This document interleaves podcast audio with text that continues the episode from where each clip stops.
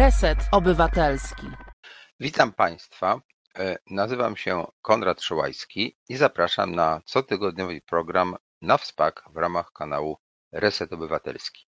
Ta rozmowa jest nagrywana. Premiera będzie jak zwykle o 17 we wtorek, a potem będzie dalej to dostępne na YouTube. Realizuje naszą rozmowę Asiator. Przypominam Państwu, że Reset Obywatelski to miejsce dla wszystkich, dla osób, które zadają pytania, mają wątpliwości, chcą się czegoś dowiedzieć i które mają wpływ na tworzenie tych programów. Jeśli Państwu podoba się to, co robimy, to odsyłam na zrzutkę na działalność Resetu. Mogą Państwo zostać producentami i sponsorami tych programów. Najlepiej odwiedzić naszą stronę internetową o nazwie resetobywatelski.pl i tam poza artykułami są bardzo interesujące różne takie śledcze reportaże. Jest tam też instrukcja, jak można nas wspierać. E, jest też zrzutka, adres następujący: zrzutka.pl ukośnik set ukośnik reset obywatelski. Można nas spotkać na Twitterze, na Facebooku, poza YouTube'em, niedługo będzie sygnał radiowy. No i oczywiście zachęcam do lajków, do subskrypcji, do słuchania podcastów i do obserwowania nas, a przede wszystkim do podawania dalej informacji w świat, że reset istnieje i można znaleźć tutaj interesujące rzeczy. Y, troszeczkę dzisiaj oddalimy się, no przynajmniej e, geograficznie, e, od e, naszego kraju i od wojny, którą Rosjanie rozpoczęli, próbując podbić Ukrainę, co nie znaczy, że e, zapominamy. E, trzymamy kciuki i na tyle, na ile potrafimy, pewnie za mało, ale się staramy. E, próbujemy pomóc mieszkańcom Ukrainy, którzy do nas przyjechali, i próbujemy pomóc tym, którzy walczą, broniąc swojego kraju, a być może też nas. Dlatego, że jeśli by inwazja na Ukrainę się udała, to według e, ekspertów to jest tylko pierwszy krok. Więc wojna w Ukrainie to jest nasza wojna, to jest obrona naszej cywilizacji. Tak chyba szumnie, ale prawdziwie trzeba o tym powiedzieć. No, ale nie możemy żyć tylko wojną. E, musimy żyć normalnie, w związku z czym dzisiaj troszkę oddechu. Ten oddech da nam e, pisarka, młoda pisarka, 27-letnia, która właśnie zadebiutowała. Pokażę czym. To jest jej pierwsza książka, pewnie nie ostatnia. E, I e, mieszka teraz, e, i o tym jest w zasadzie ta książka, w Nowej Zelandii. Naszą gościnią, tak się teraz mówi, chociaż dla mnie to jest trochę jeszcze trudne do wymówienia czy zapamiętania. Naszą gościnią jest Mika Modrzyńska. Zapraszam. Dzień dobry. Świetnie. E, Mika, e, ja myślę, że ja Cię króciutko przedstawiłem. Potem jeszcze więcej opowiemy o tym, skąd się wzięłaś. Ale najpierw, ze względu na to, że jedną z bardzo interesujących rzeczy jest fakt, E, że mieszkasz w zasadzie chyba w najbardziej odległym od Polski zakątku ziemi, e, no to chciałbym, żebyśmy o tym najpierw powiedzieli, a w zasadzie chciałbym, żebyś pokazała przez okno, gdzie jesteśmy, a potem może zdjęcia, które robiłaś jeżdżąc po Nowej Zelandii. Dobra. Taki mamy widok z okna. Jezioro Wakatipu i góry wokół bo jestem w miasteczku, które się nazywa Queenstown. I to miasteczko jest takim trochę odpowiednikiem Zakopanego w Polsce. Bardzo turystyczne, położone w samym sercu gór. A zimą tutaj wszyscy pasjonaci sportów przyjeżdżają, a w lato zresztą też, bo są jeziora, jest dużo gór do wspinania się. No świetnie. Objechałaś Nową Zelandię robiąc zdjęcia to może będziemy oglądali trochę te zdjęcia, a e, ci, którzy tylko nas słuchają, będą mogli usłyszeć od ciebie, e, gdzie byłaś i właściwie co na tych zdjęciach widać. Asiu, czy możesz pokazać nam zdjęcia, a Mika będzie opowiadała? To tak, przede wszystkim ja tutaj jestem już od dwóch lat, więc ja całą Nową Zelandię zjechałam kilka razy, także te zdjęcia będą losowo z północnej wyspy, z południowej. Tutaj mamy wyspę południową, Arrowtown, e, miasteczko, w którym e, szukano złóż złota przez wiele lat. E, I tutaj też była największa kolonia chińska w czasie tej gorączki złota. Tutaj z kolei znowu mamy Wyspę Północną i krajobraz wulkaniczny. Centrum Wyspy Północnej to są wulkany, martwota, ciemność, no ale też nadal piękne widoki. No, wygląda to całkiem ładnie. E, To jest jeziorko seledynowe, też na Wyspie Północnej. E, Ono ma ten kolor ze względu na skład siarki. W nim przeważa siarka. Tak, u nas też są takie jeziorka, ale to jest bardzo niezwykłe. Tu mamy widok na Mount Cook, to jest najwyższa wyspa, e, Boże, naj- najwyższa góra Nowej Zelandii e, na Wyspie Północnej. No i widać tam chyba śnieg na szczytach, prawda? Tak. Tutaj też jest Mount Cook. Z tej Mount Cook będzie parę zdjęć, bo to jest moje ulubione miejsce w Nowej Zelandii. Tam No, są troszkę- wszystkie rzeki są w tym kolorze takim lodowcowym, błękitnym. Znowu Mount Cook i cała okolica wokół tej góry jest naprawdę przepiękna. Troszkę jak Alpy to wygląda. Bardzo, bardzo efektownie. A tu już mamy Auckland, em, górę Wyspy Północnej i właśnie w Auckland dzieje się akcja mojej powieści. Ja tutaj mieszkałam przez niecały rok. Opowieści jeszcze będziemy rozmawiali. E, No widać, że to jest takie miasto nowoczesne, taki mały Manhattan jakby, prawda? Tak przynajmniej No, e, to jedyny wygląda. kawałek nowoczesności w. Nowej Zelandii. Aha, czyli Nowa Zelandia nie jest cała taka zindustrializowana. Rozumiem, że tam Kompletnie głównie jest natura. Mhm. No ale to może To- dobrze akurat. No, tutaj znowu Mount Cook, e, tylko innej porze roku. E, I to, co widać na górze tego obrazka, to nie są chmury, to jest lawina, która dopiero co zeszła, kiedy przechodziłam. Też Mount Cook, znowu o innej porze roku. Ja tam byłam trzy razy w sumie. Tak, to bardzo efektowne. To prawie jak Himalaje wygląda. Mhm. A tu mamy Northland, czyli na północ od Auckland. E, Jest taki kawałek Nowej Zelandii, który się znajduje w strefie, żebym się teraz, żebym nie powiedziała czegoś głupiego, w strefie tropikalnej albo podzwrotnikowej, ale tam jest zupełnie inny klimat niż w reszcie Nowej Zelandii. Tam jest non-stop e, gorąco i słońce e, i pora deszczowa. Dlatego też są te różne inne rośliny, tam palmy widać.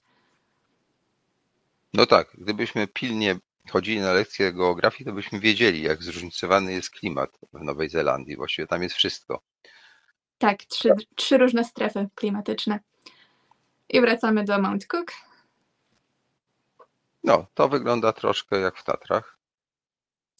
No, a tutaj mamy e, Mount Olivier. Obok niej e, wydaje mi się, że to jest też widok na Mount Cook, ale tu już nie jestem pewna. Ale stoję na szczycie Mount Olivier i to jest charakterystyczna góra, ważna dla Nowozelandczyków, ponieważ tutaj swoje pierwsze umiejętności zdobywał Sir Edmund Hillary, który ostatecznie został pierwszym człowiekiem, który wszedł na Mount Everest. Tak, i to chyba bez tlenu, prawda? To była Mm, całkiem naturalna taka wyprawa. I tutaj też są właśnie widoki z tej drogi na Mount Olivier. No tak, troszkę jak Dolina Pięciu Stawów w naszych Tatrach. Trochę, no.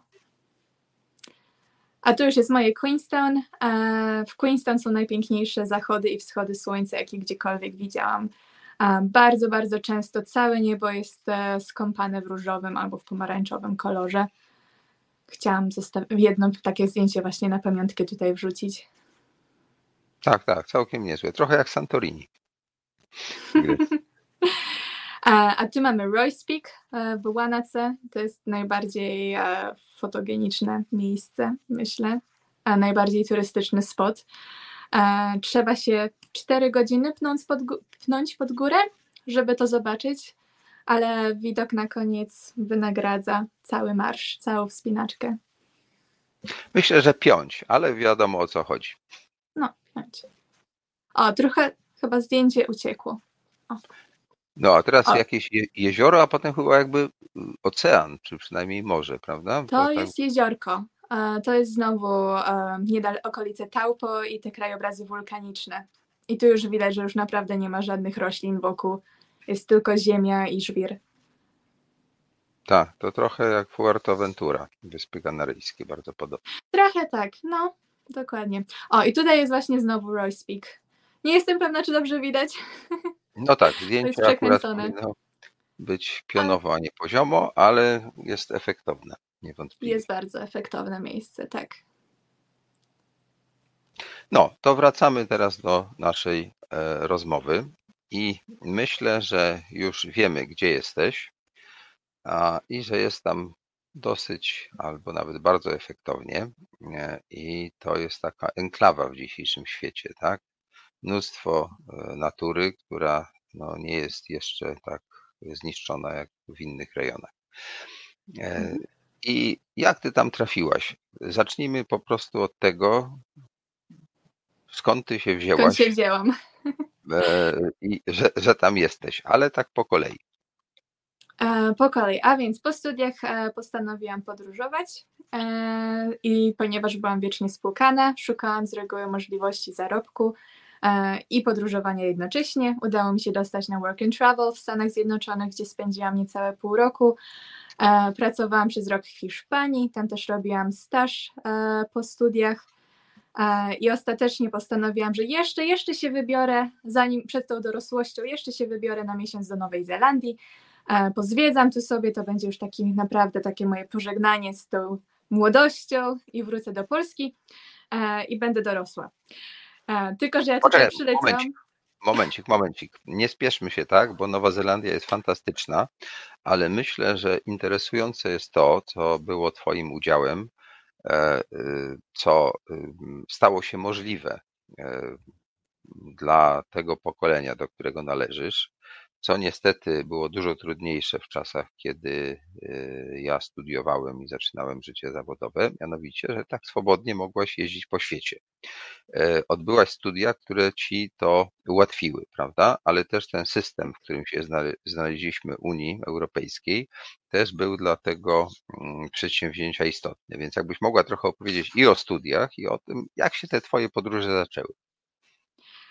Także studiowałam lingwistykę stosowaną na Uniwersytecie e, Kazimierza Wielkiego w Bydgoszczy i w czasie studiów e, zaaplikowałam o stypendium e, Erasmusa na wymianę studencką, a ponieważ z tych stypendiów niezbyt dużo osób korzysta, także udało mi się załatwić dwa na jeden rok. Także udało mi się wyjechać do Niemczech i prosto z Niemczech wyjechałam do Portugalii. To było jeszcze tak, że ostatni egzamin w Niemczech pisałam w piątek, a w Portugalii w poniedziałek poszłam na zajęcia już pierwsze. E, Także ogromne wsparcie ze strony mojego wydziału, e, ze strony Biura Współpracy Międzynarodowej na mojej uczelni, że oni mi to wszystko ogarniali, nieważne jak szalony ten plan był, oni wszystko załatwiali, e, przepisywali mi oceny, dostałam stypendium. To też na pewno bardzo dużo zmie- zmieniło, bo prawdopodobnie nie byłoby mnie, e, mnie stać e, na spędzenie kilku miesięcy w Niemczech na przykład, gdzie jest dużo drożej. I to stypendium mi właśnie pozwoliło na wyjazd na cały rok. E, No i jak zaczęłam, to nie mogłam już nie mogłam przerwać. Nie mogłam powiedzieć sobie dość. Wtedy się dowiedziałam o work and travel w Stanach. Zaaplikowałam, dostałam pracę, spędziłam tam parę miesięcy, potem miałam czas na zwiedzanie. Po powrocie znowu się stwierdziłam, że nie, jeszcze nie.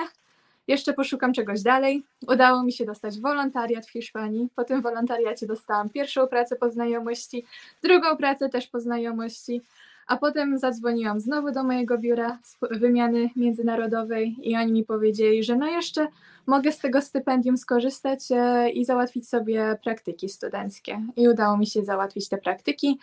E, Animacja hotelu pięciogwiazdkowym na Ibizie. Na czym polegała ta animacja, powiedz? Bo Animacja. rozumiem, że to nie, nie było robienie filmów e, rysunkowych dla dzieci, tylko zupełnie co innego. Nie, ja e, upewniałam się, że moi goście się dobrze bawią. E, także zbierałam ich, wo- e, zawsze byli na leżaczkach wokół basenu, ja chodziłam wokół i się pytałam, a może chcecie pograć w siatkówkę plażową, a może to porobimy, a może to porobimy, a może jakaś water polo, e, jakieś gry, zabawy. E, I to też był ogromny kapitał dla mnie. Dużo mi to dało pewności siebie, bo jednak trzeba mieć pewność siebie, żeby zaczepiać obcych ludzi i zaczynać z nimi pogawędkę, jakbyśmy się znali nie wiadomo ile czasu i namawiać ich do tego, żeby się ze mną e, bawili w gry. I tak po paru miesiącach to już stało się nawykiem, ale początki były bardzo trudne.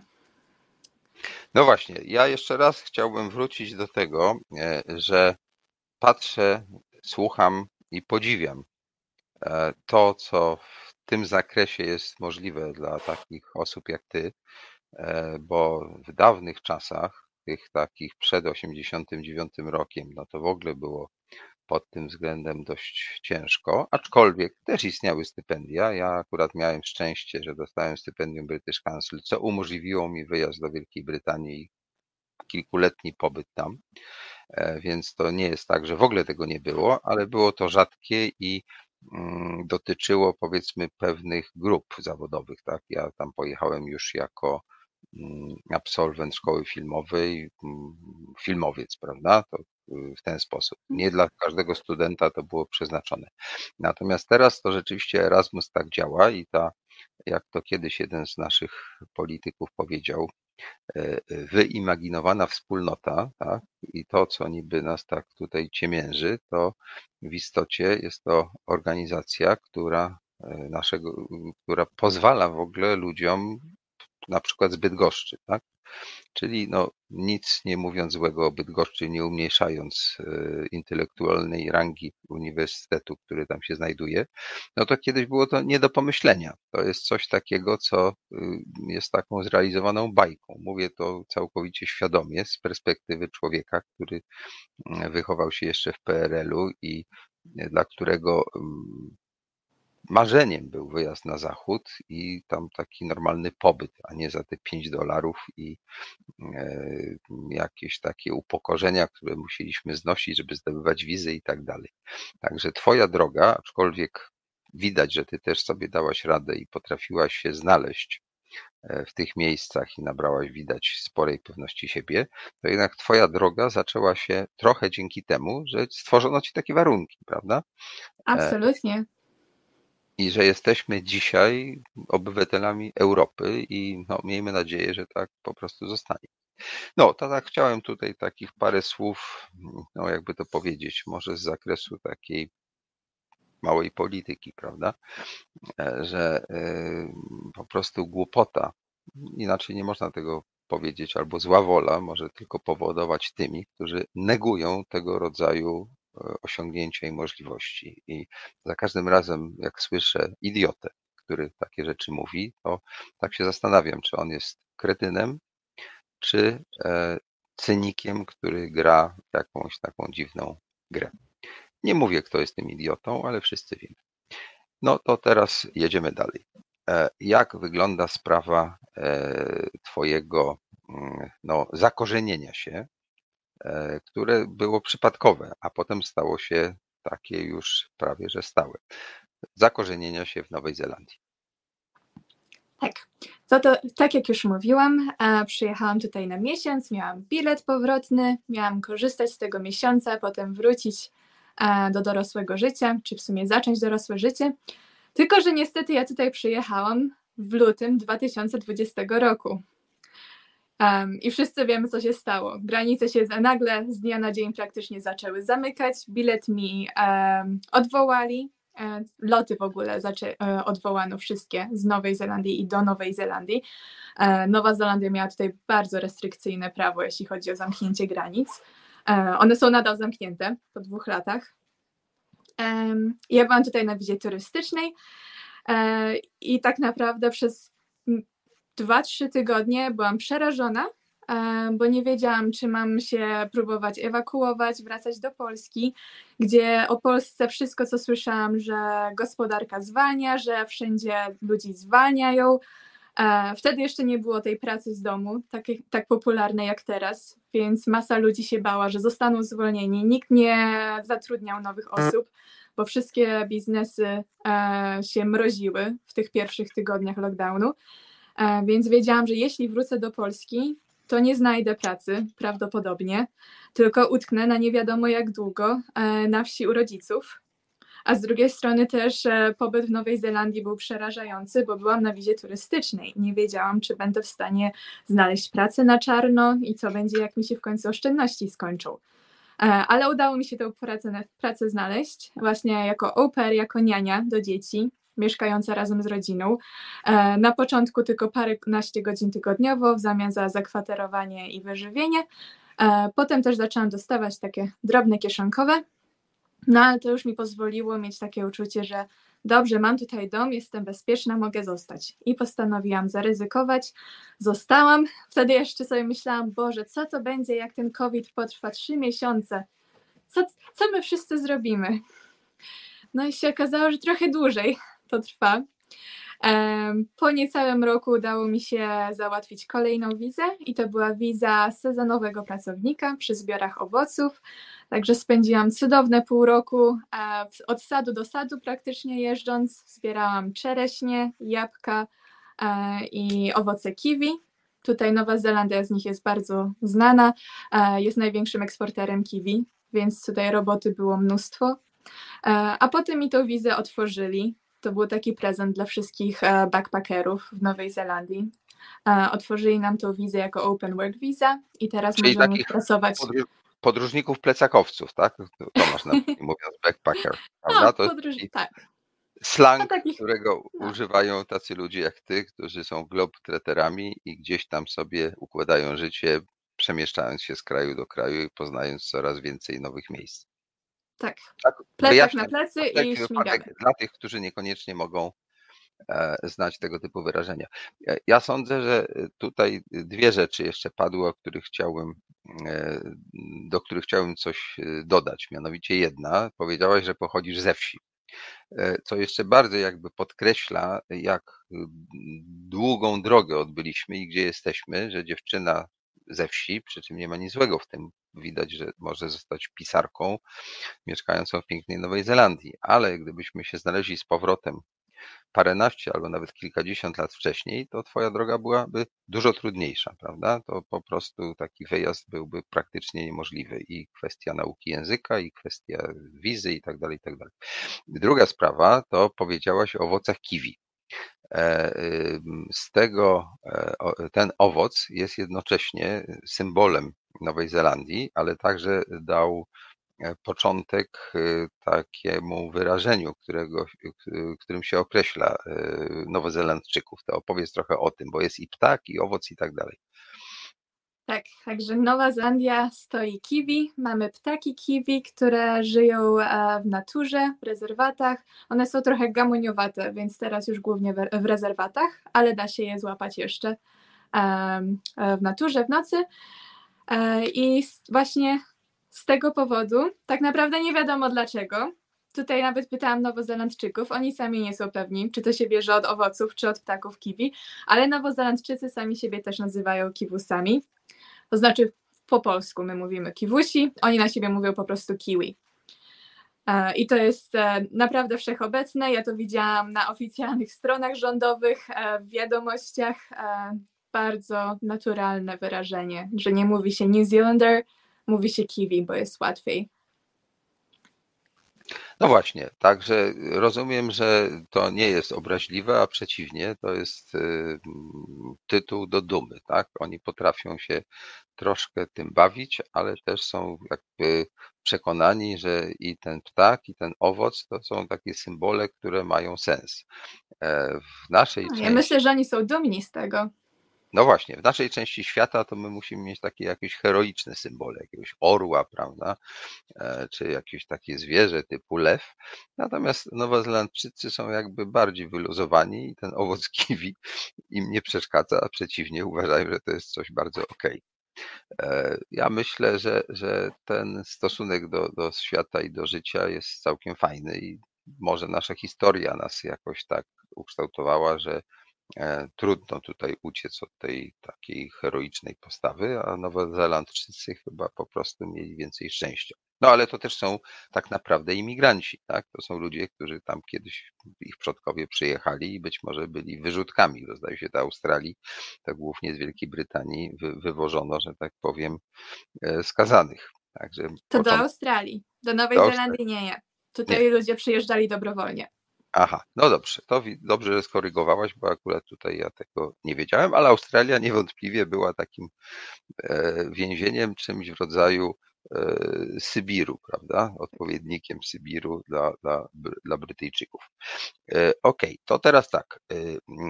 Myślę, że warto, potem wrócimy do innych spraw, ale warto zastanowić się nad tym, jak to się właściwie dzieje, co się zdarza w historii literatury. Ja kiedyś no, spędziłem parę lat studiując literaturę, tak się w moim życiu złożyło, i tam jest ileś takich młodych pisarzy, którzy e, swoje najlepsze dzieła stworzyli w ogóle jako ludzie bardzo, bardzo młodzi. Ale nie jest to takie częste. Zwykle prozaicy to już są tacy bardziej godni, prawda? To jest takie doświadczenie życia i tak dalej. Za młodu to się pisze albo poezję, albo ewentualnie jakiś utwór taki dramatyczny, czy coś w tym duchu. Oczywiście są wyjątki. Ty jesteś troszkę wyjątkiem. Co prawda w Polsce takich pisarek młodych mm, kilka się pojawiło, ale y, twoja oryginalność polega na tym, e, że w jakim sensie przynajmniej tak to zrozumiałem, e, zapisałaś takie swoje globetrotterskie doświadczenie i ono stało się mm, no, inspiracją czy materiałem do stworzenia takiej komedii romantycznej, tak chyba można nazwać e, ten utwór, nie umniejszając jego mm, wartości, bo jest to bardzo sprawnie napisane. E, wiele takich tekstów młodych pisarzy cechuje się tym, że są językowo fajne, postawa czy, czy jakiś taki obraz świata jest interesujący, natomiast brak tam konstrukcji. Natomiast twój tekst jest tak zrobiony, jakby był planowany do adaptacji filmowej, bo ma wszelkie te reguły mm, pewnego rodzaju takiej e, konstrukcji hollywoodzkiej, prawda? Jest zawiązanie akcji, pewien przebieg, rozwiązanie i te wszystkie zwroty są e, no, całkiem dobrze przygotowane, zaskakujące i jest tam i smutek, i pewna nostalgia, i nawet rozpacz, tak? Ale też jest sporo takiej radości życia i tak dalej. Tak, troszkę to reklamuję, bo wydaje mi się, że ta literatura, no może nie, niekoniecznie zaraz rangi e, Prusta, e, czy, czy jakichś takich pisarzy z tej górnej półki, jest po prostu sprawnie pisana, co jest fajne, zaskakujące, że u nas też zaczyna istnieć pewien taki gatunek, y, który na zachodzie był zawsze popularny, a w Polsce to jakby troszkę mniej. Tak?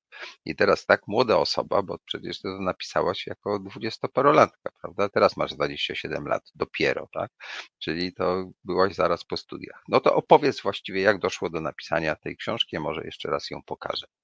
Dla wszystkich tych, mhm. którzy chcą spędzić, nie wiem, fajny weekend albo jadą pociągiem, nie mają co czytać, to jest doskonała lektura.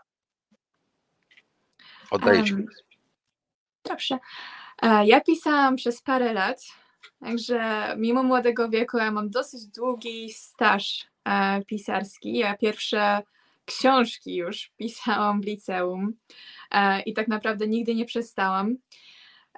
Pisałam książki fantastyczne, Niestety w Polsce nikt fantastyki nie czyta, a przynajmniej niewystarczająco ludzi, żeby się opłacało wielu wydawcom wydawać tą fantastykę. E, I ja miałam sporo problemów z jej wydawaniem, kłopoty z wydawcami. E, ostatecznie miałam dwóch wydawców i z obydwoma rozwiązałam umowy, bo widziałam, co się dzieje z tymi książkami.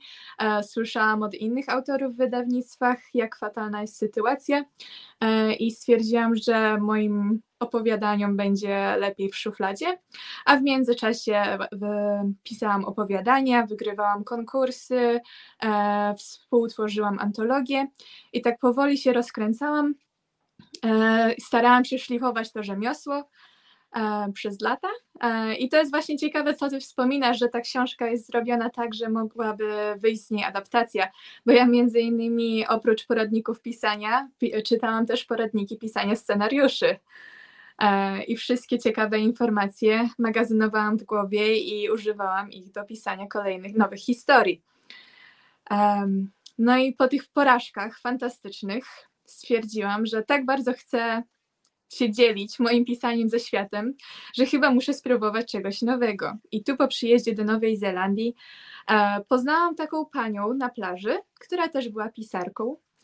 E, I ona pisała książki, ona była Brytyjką i, pisa, i sobie jeździła do jakiegoś egzotycznego kraju i wracała do domu, gdzie pisała gorący romans o Brytyjce, która jedzie do tego samego kraju i poznaje przystojnego miejscowego, który, ją, który jej pokazuje okolice i zakochują się w sobie na śmierć. E, I jest happy end. E, I jak ona mi powiedziała, w jakich sumach to się sprzedaje, jakie ona ma ilo- liczby sprzedanych egzemplarzy, a stwierdziłam, ja tak nie potrafię, potrzymaj mi piwo, wiadomo, po polsku, no i w czasie tego pierwszego lockdownu, który tutaj mieliśmy w Nowej Zelandii, on trwał niecałe dwa miesiące.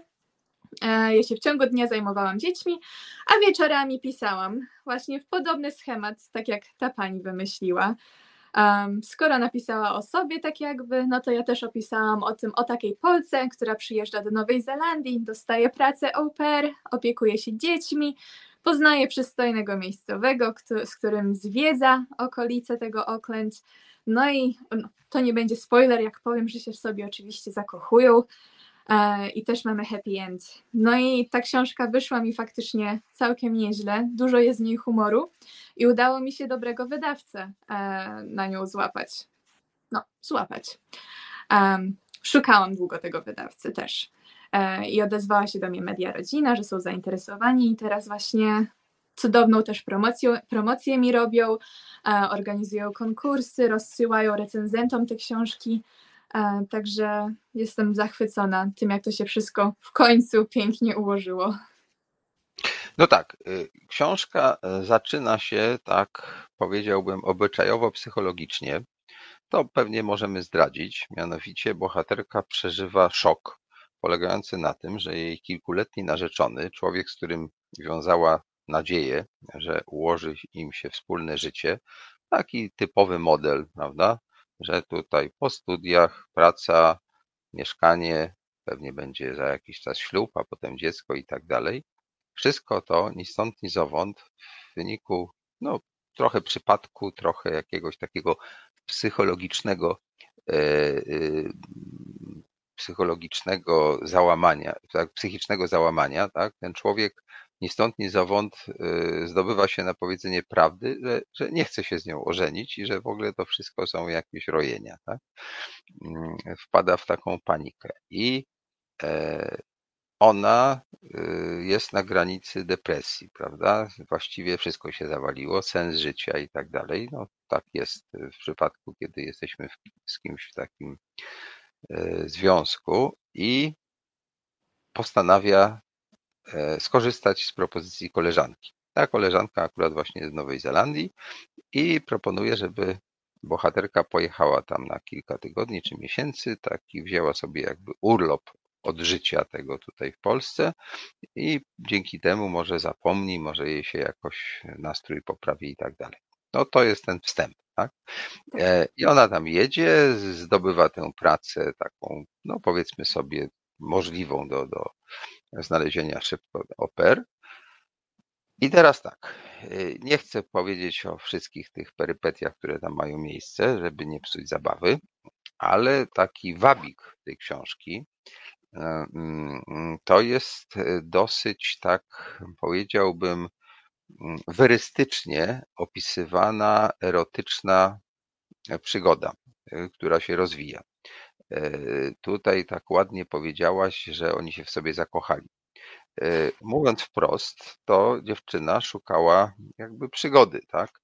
E, I zaczęło się od takiego one night, one night stand, czyli takiej jednonocnej przygody. przygody.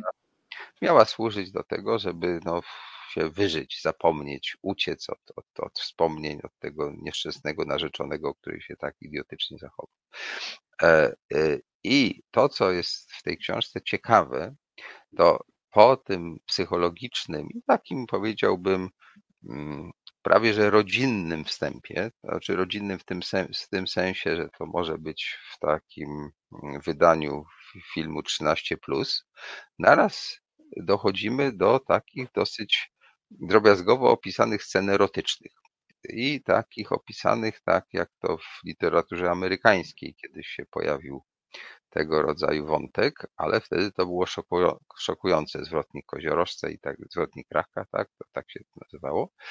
Mm, I pamiętam, że e, kiedyś tego rodzaju opisy wywoływały no, konsternacje, dyskusje i tak dalej, były uważane za coś takiego nowatorskiego, a czasem gorszącego.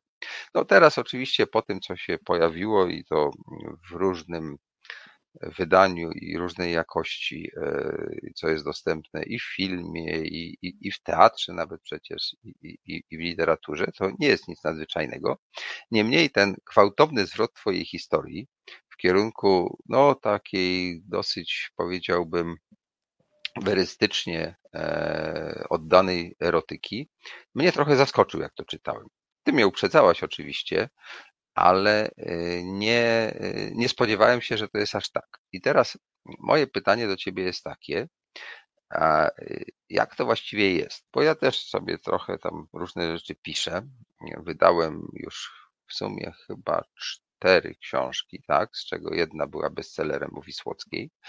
I e, pamiętam, że jednym z problemów, z którymi się musiałem e, zetknąć i to w sposób taki bardzo konkretny było to, że y, Michalina Wisłocka, polska y, seksuolog, guru właściwie edukacji seksualnej, która sama miała dosyć, powiedziałbym, takie intrygujące życie, w tym zakresie szczególnie, i zajmowała się tą sprawą, no to nie mogłem uciec od tego, żeby pewne rzeczy tam opisać y, w sposób taki, żeby no, nie, nie uciekać przed tym, prawda?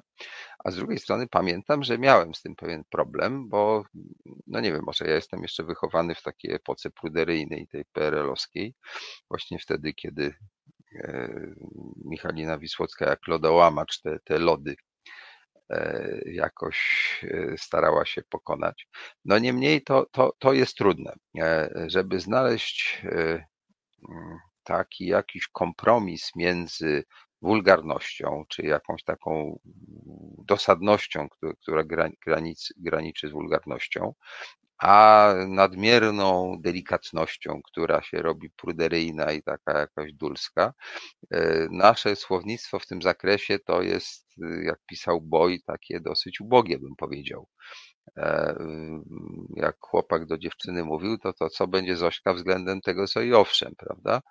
E, e, co, co jakby było śmieszne, ale jednocześnie troszkę tragiczne, że, że, że polszczyzna, mówiąc wprost, była niedorozwinięta albo taka dosyć trywialno-wulgarna, albo medyczna, a, a gdzie ten środek, no te, te, te, ten urok sypialni. No to już dosyć mojego gadania. Powiedz, jak to się stało, że ty w tę erotykę tak weszłaś i jak sobie z tym dawałaś radę? E, ja sobie z tym w ogóle nie dawałam rady, bo język polski moim zdaniem się nie rozwinął od żeleńskiego e, zbyt wyraźnie i nadal wszystkie, e, wszystkie słowa, których potrzebujemy, żeby opisać seks, są albo kompletnie wulgarne, albo przekleństwa, albo są dziecinne, taka dziecięca mowa. E, I ja nad tymi scenami seksu w tej książce to ja byłam z rozpaczy, bo ja nie potrafiłam ich opisać kompletnie. E, ja miałam grupę znajomych, e, którą poznałam lata temu, którzy także piszą i to są osoby z forum fantastyka.pl. Bardzo polecam to forum początkującym adeptom pisarza, pisania, bo tam naprawdę przetrzepują tyłki. I my całą grupką, oni siedzieli i mi poprawiali te sceny, te pierwsze sceny erotyczne. I mi tłumaczyli, że no nie, no Kamila, no tutaj tak się ręki nie da położyć, albo że nie da się złapać, albo że to słowo, albo musisz wspomnieć e, o wilgotności. E, także z tą, oni mnie wytrenowali na tych pierwszych scenach, potem już e, nauczona tym doświadczeniem troszkę lepiej mi szło. A czemu się na nie zdecydowałam? E, ja tak naprawdę nie miałam zbyt wielkiego pola wyboru, e, bo w momencie, w którym, gdy ja umieściłam Zuzę, główną bohaterkę w tej sytuacji, gdzie jej się rozpada wieloletni związek e, i to rozpada się w naprawdę zawstydzający e, przykry sposób, bo jej narzeczony dostaje ataku paniki na myśl o ślubie z nią, e, to nie byłabym w stanie. Pokażające wręcz takie. Tak. Bo to się dzieje w sytuacji takiej bardzo sympatycznej. E, inna para właśnie się zaręczyła i planuje ślub i tak dalej. Mają spędzić we czworo miły wieczór i tu ciach, naraz wybucha bomba. Ja nie chcę z tą kobietą mieć nic wspólnego, prawda? To jest po prostu. Bardzo dobrze to jest y, jakby do ewentualnej sceny filmowej wymyślone. To jest jak z takiego do, dobrego amerykańskiego serialu obyczajowego. To tak przy okazji mały komentarz. Jedź dalej. Tak, e, ja umieszczając Zuzę w tej sytuacji, nie byłabym w stanie w przekonujący sposób e, rozpocząć jej e, romansu miesiąc czy dwa miesiące później, nawet w innym miejscu na Ziemi, bo osoba, która została tak głęboko zraniona, która przeszła przez coś takiego, której się zawaliły wszystkie plany, nie będzie się rzucała w nowy związek, nie będzie planowała przyszłości z nowym facetem, nie będzie nawet dopuszczać do siebie myśli, że ma jakieś uczucia wobec kolejnego faceta. E, więc musiałam znaleźć sposób, żeby połączyć ją i głównego bohatera, e, ale tak, żeby to nie wyglądało na E, romantyczne uczucia i randki i trzeba było wziąć główną bohaterkę sposobem, tak żeby ona się nie zorientowała, że te uczucia łapie. E, a jeszcze druga sprawa jest taka, że w tym momencie współczesne czytelniczki są przyzwyczajone e, do erotyki i do seksu w zupełnie innych objętościach niż jeszcze parę lat temu, bo 50 twarzy Greya wprowadziło swoistą rewolucję E, potem przyszło 365 e, dni Bianki Lipińskiej i ta książka była ogromnie popularna. Bianka Lipińska była przez e, rok czy dwa na szczycie najlepiej zarabiających pisarzy w Polsce.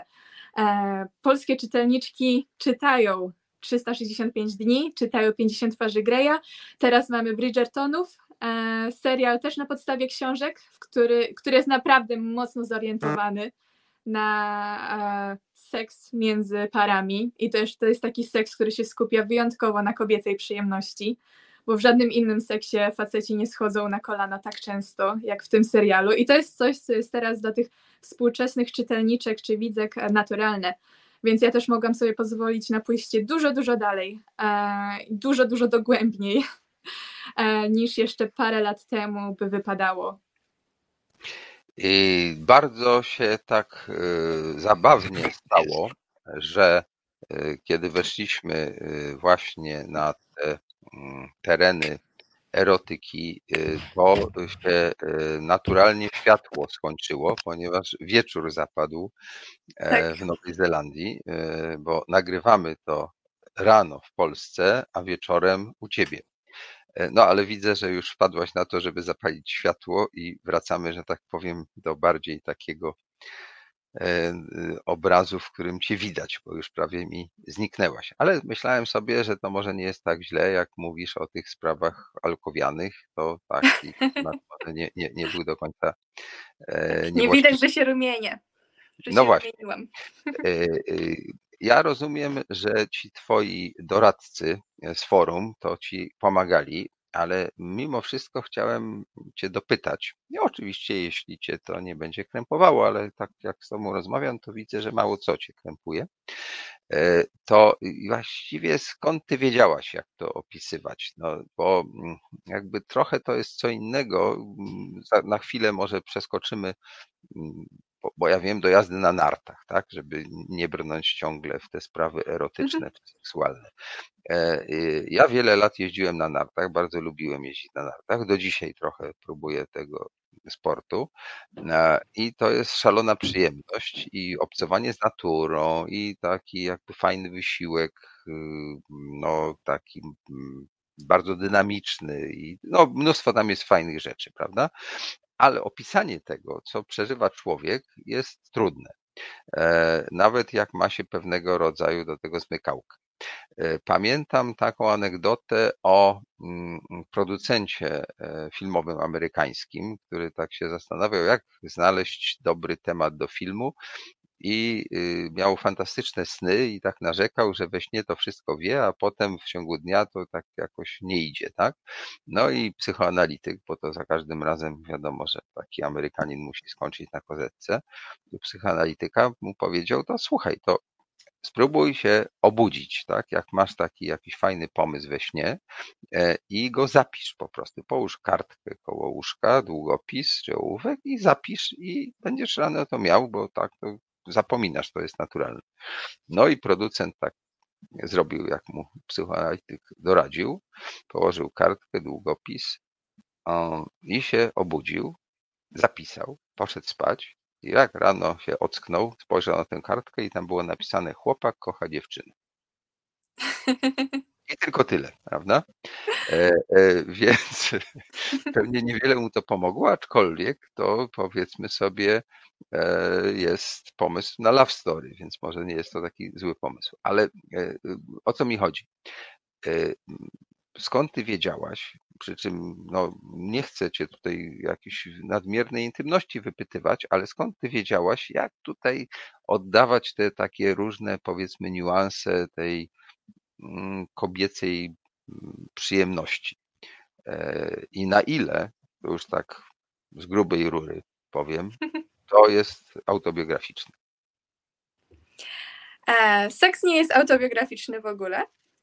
Aczkolwiek mogę Ci zdradzić, że zdarzyło mi się w życiu uprawiać seks, co z pewnością pomogło.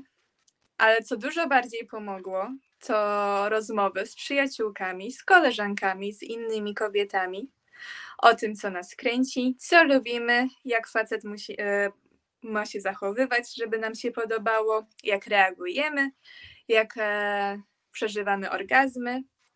E, I to tak naprawdę coś, co zbierałam przez lata, zupełnie nieświadomie, że kiedyś będę mogła z tego skorzystać do książki. Ale już samo przez to, że kobiety współcześnie, e, koleżanki i nie tylko, że one rozmawiają o wszystkim, rozmawiają o tematach intymnych, e, to daje ogromną wiedzę innym kobietom. I na pewno też bardzo pomogło czytanie książek. Ja w czasie, jak się przygotowywałam do napisania tej książki, to czytałam e, romanse, czytałam erotyki. E, przeczytałam 50 twarzy Greya, chociaż tylko pierwszy tom, bo nie dałam rady. E, przeczytałam Bridgertonów, te książki, na podstawie których jest teraz ten bardzo popularny serial na Netflixie. E, I dosłownie robiłam notatki. Sprawdzałam, zapisywałam sobie w jaki sposób się opisuje uczucia u kobiet, w jaki sposób u mężczyzn, jakie mamy w polskim synonimy na wiadome części ciała. E, no a potem, jak już tą wiedzę wprowadzałam do praktyki, to potem jeszcze właśnie ci moi przyjaciele szlifowali te sceny ze mną i sprawdzali, o czym zapomniałam i jak mogę to bardziej przekonująco pokazać. Ale z tym była drama straszna. Wszystkie inne sceny mi się pisało z przyjemnością, żarty mi wychodziły, po prostu wylatywały spod palców, a jednak nad tymi scenami seksu w książce to jak ficzałam z bólu i z bezradności. Także to, co jest teraz, to jest i tak tysiąc razy lepiej niż to, co było na początku. No tak, ale przełamałaś tę barierę. Tro, trochę tak w ogóle myślę, że jest e, z wieloma rzeczami w życiu, że jak się coś robi pierwszy raz, to czasem nie jest takie łatwe i proste, a jak się już parę razy to zrobi, to nawet można z tego, co kiedyś było trudne, e, zacząć czerpać przyjemność. I nie tylko seksu to dotyczy, prawda? E, ale jeszcze tak podrążę. Ja wiem, że to jest takie troszkę na granicy czy coś z tych przeżyć, które tam opisujesz, e, mm, czy gdzieś tam jest jakiś twój e, osobisty ton? Czy jest na przykład coś takiego, że e, miałaś jakieś indywidualne doświadczenie i nikt nie wie, że to twoje, a ty to tam włożyłaś, że to nie tylko z tych lektur, z tych rad, ale że gdzieś tam jakiś taki moment, który zapamiętałaś. Jest tam coś takiego osobistego, czy nie? A my mówimy nadal tylko o seksie? Nie, nie tylko, nie, no nie bądź Nie monotematyczny. Poza tym ja myślę, że erotyka ma to do siebie, że to jest takie pojęcie de facto trochę szersze, że nie, nie, nie wszystko polega, że tak powiem, na penetracji, kopulacji, ale także erotyczne spojrzenie.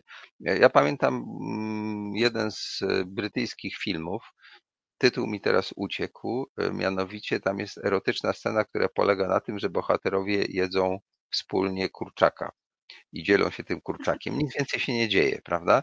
A to jest jedna z takich bardziej erotycznych scen, bo tak jak na siebie patrzą, jak, no nie chcę już to opisywać, żeby nie tworzyć jakiegoś takiego niezręcznego e, klimatu, no to to jest właśnie erotyczna scena. Inna erotyczna scena to jest e, w filmie pod tytułem Pociągi pod specjalnym nadzorem kiedy ma dojść do tak zwanej konsumpcji, bohater już zdołał tę swoją młodą piękną czeszkę zaciągnąć do łóżka, ale on ją peszy światło latarni padające przez okno i prosi, żeby on to okno zasłonił. I za każdym razem, kiedy on wstaje i zasłania taką roletą i wraca, to za chwilę ta roleta znowu jedzie do góry. I to też jest fantastycznie e, napisana, właściwie sfilmowana przez Formana scena erotyczna, tylko że taka zabawne po prostu, bo ta przeszkoda jakby dominuje nad ich całym, że tak powiem, uniesieniem. No dobrze, to teraz pytanie, czy ty masz coś tam takiego, taki rodzynek, co nam możesz się przyznać? Obawiam się, że nie. Że ja pod tym względem jestem tak nudna, jak zwykle nudni są pisarze.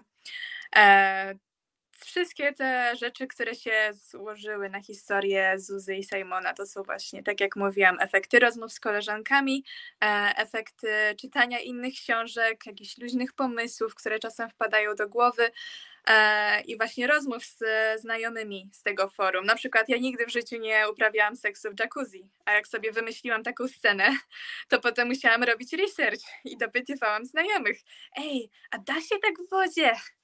Dały, a jak ktoś mi się przyznał, że zrobił to w wodzie, to ja się dopytywałam, no dobra, a jak to wtedy działa? Jak jest z tą trakcją? Co się robi, żeby to działało? W jakiej pozycji to się robi, żeby to działało? Um, no, także może ja jestem akurat nudnym człowiekiem pod tym względem, ale znajomych miałam wystarczająco doświadczonych, żeby pomogli, żeby swoje rodzynki dołożyli do tej książki.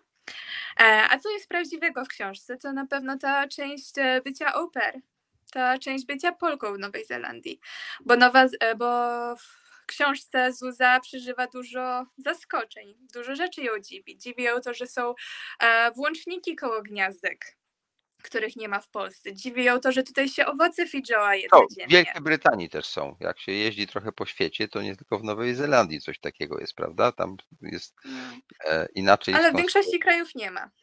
To prawda, to prawda. Nie, bo oni mają, rozumiem, tę brytyjską tradycję. Ja proponuję tak, to zostawmy na razie książkę, chyba że do niej jakoś wrócimy, opowiadając o innych sprawach. E, przez chwilę, że tak powiem, odpoczniemy e, i e, posłuchamy muzyki, a ty się naszykuj do opowiadania o tym właściwie, jak ty przeżywałaś tę Nową Zelandię i co tam było złego i dobrego, jak przyjechałaś to poprosimy Asię o muzykę. Reset Obywatelski. Medium, które wsłuchuje się w głos swoich odbiorców. No, to wracamy do naszej rozmowy. E, naszą gościnią dzisiaj jest Mika Modrzyńska, młoda polska e, pisarka, która e, osiedliła się przypadkowo, ale już tak prawie że na stałe w Nowej Zelandii i tam złapana przez lockdown covidowy napisała książkę Styczniowa letnia noc, która na początku wydaje się powieścią psychologiczno-obyczajową, a potem trochę zamienia się w erotyk. A potem z kolei zamienia się w coś w rodzaju takiego przewodnika po Nowej Zelandii, ale nie takiego nudnego, że tam są daty, bitwy, czy co tam się działo, tylko raczej to jest opis tego, e, jak e, dziewczyna z Polski e, znajduje sobie miejsce, pracę, kolegów, koleżanki, chłopaka i tak dalej, czyli takie jakby wejście w życie w innym kraju. Szczerze mówiąc, uważam, że to jest właściwie w tej książce chyba najciekawsze. Ja osobiście bardzo lubię, jak mogę gdzieś pojechać i niekoniecznie lubię mieszkać w hotelu. Bardzo lubię, że tak powiem, zamieszkać u kogoś, kto mnie ugości, bo mogę obserwować życie innych ludzi. I to jest coś, co wydaje mi się e, jest e, no, bardzo wzbogacające, bo zaczynamy rozumieć tego drugiego człowieka i to nie tylko e, z tego wyciągamy wnioski, co on mówi, ale nie wiem, jak on mieszka, jak on się ubiera, jak on się zachowuje, nie wiem, przy śniadaniu i tak dalej. E, I cały czas ci strasznie zazdroszczę tego, że właśnie e, tak stosunkowo łatwo mogłaś jako o już dorosła, ale jednak bardzo młoda osoba sobie tak po świecie pobujać. No, ale teraz y, ty masz pole do popisu i opowiedz, co takiego okropnego cię tam spotkało w Nowej Zelandii. Okropnego? Tak, zacznijmy od horroru. Ojej.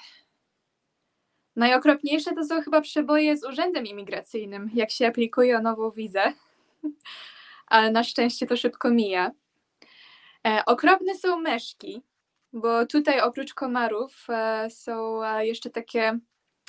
To są takie malutkie meszki, podobne do komarów, podobnie gryzą, tylko że to ugryzienie boli okropnie e, i ten ból się utrzymuje bardzo, bardzo długo, dniami się utrzymuje i potem zostają blizny.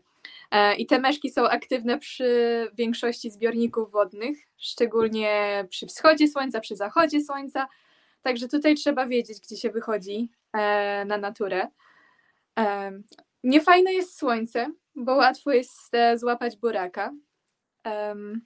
Tutaj jest bardzo niedaleko dziura e, w warstwie ozonowej, e, więc to słońce naprawdę pali. I tutaj też bardzo najpo, najpopularniejszym rodzajem raka w Nowej Zelandii jest właśnie rak skóry z tego powodu. Ale tak poza tym, to są takie drobne rzeczy. Tutaj wiele o tych wadach nie można powiedzieć. No tak, y, a y, stosują siatki na okna i jakieś zabezpieczenia przeciwko tym y, sandflies nowozelandczycy? Czy... Stosują, chociaż też e, no tak, mamy olejki, jak wychodzimy, wiadomo, że trzeba się zakrywać.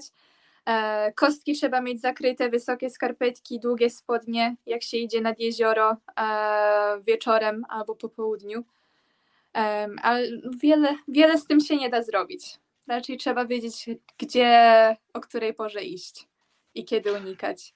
To chyba w tej scenie takiej właśnie nad jeziorem, tak, którą tak pięknie opisałaś, tych muszek nie ma, jeśli dobrze pamiętam. Nie, bo one są w różnych strefach klimatycznych. A, e, nie są we wszystkich strefach. Nie ma. Okay. A właśnie książka jest tylko w Auckland i w okolicy i ja tam żadnych e, sandflies e, nie znalazłam, natomiast odkryłam, że jestem uczulona na komary nowozelandzkie.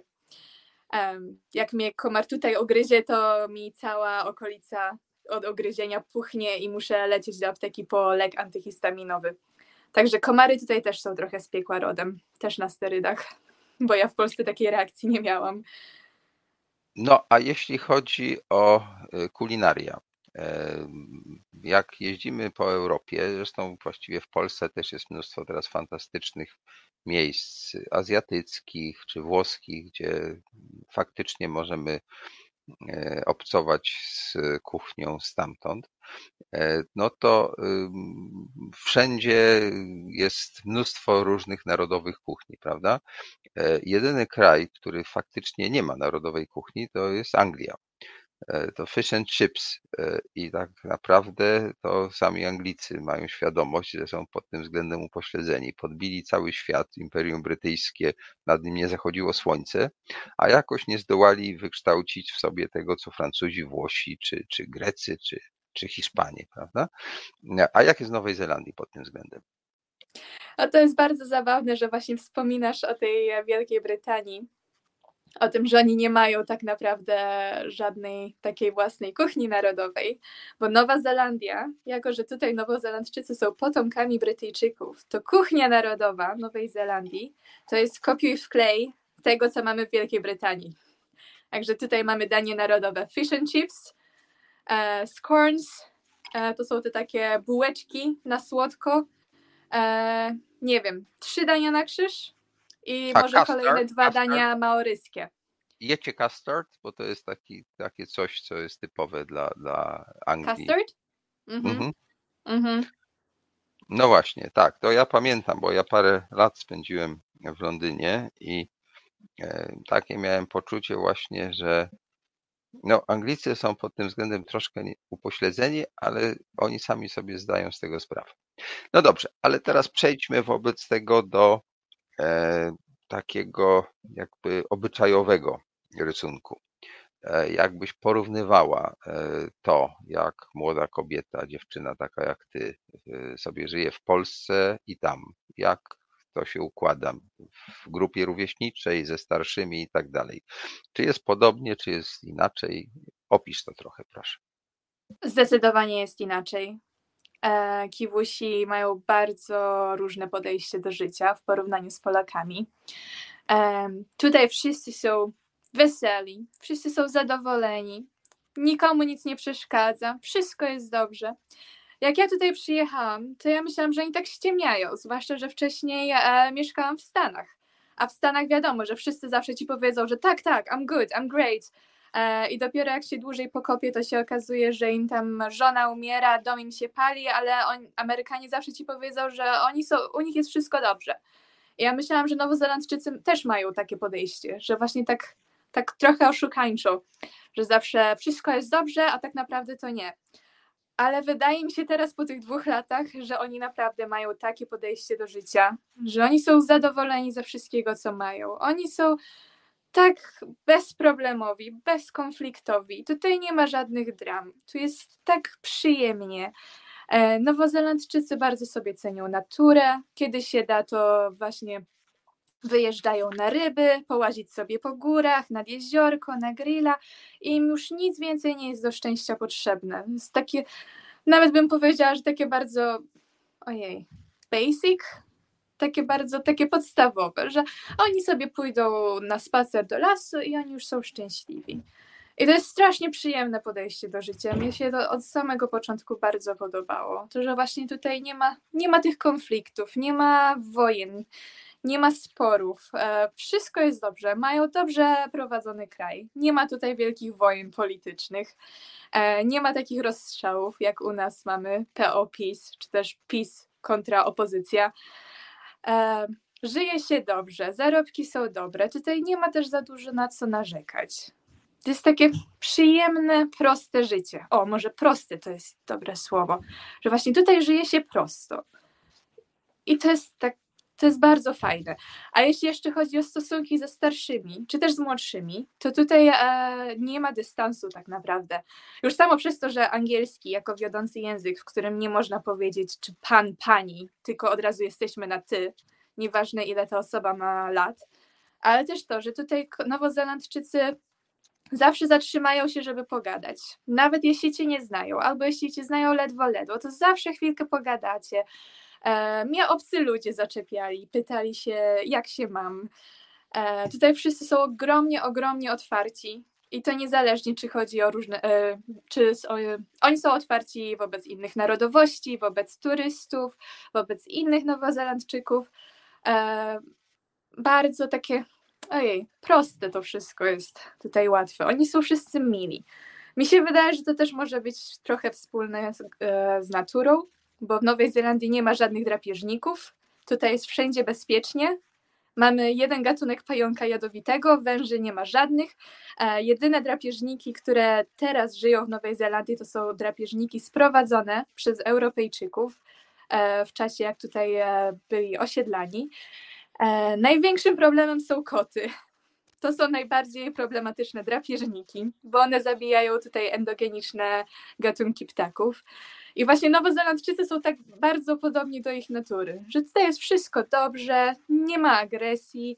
To jest zresztą e, najbezpieczniejszy, albo drugi z kolei najbezpieczniejszy kraj na świecie, według rankingów. E, także tutaj nie ma stresu o to, że ktoś ci się włamie do domu, ktoś ci się włamie do samochodu. Mnie się zdarzyło zapomnieć e, zamknąć samochód. E, jak jeszcze mieszkałam w poprzednim domu, to zostawiałam zawsze samochód, e, bo ja mieszkałam w centrum, w samym centrum miasta, zostawiałam samochód kilka ulic dalej, E, to też było centrum, ale już takie obrzeża. Też masa ludzi tędy chodziła i zapomniałam zakluczyć samochód. Przez tydzień stał otwarty na ulicy. I w środku mnóstwo rzeczy było moich. Nikt nie otworzył, nikt nic nie zrobił. Ja się tutaj naprawdę czuję tak bezpiecznie. Nieważne, czy jestem e, w środku dziczy, na jakimś traku górskim. Nie muszę się martwić, że jakiś niedźwiedź na mnie wyskoczy. Czy jestem w mieście, czy wracam w środku nocy pod, e, do domu po wielkiej imprezie. Tu jest. Oj, naprawdę łatwo się żyje. Tutaj nie ma stresu. No, brzmi to rzeczywiście bardzo, bardzo e, zachęcająco.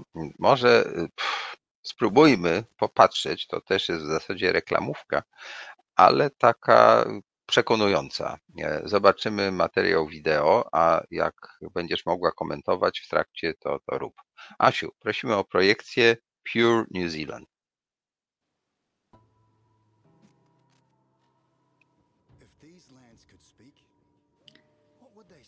Pure New Zealand to jest ogólnie też firma, która promuje e, Nową Zelandię za granicą.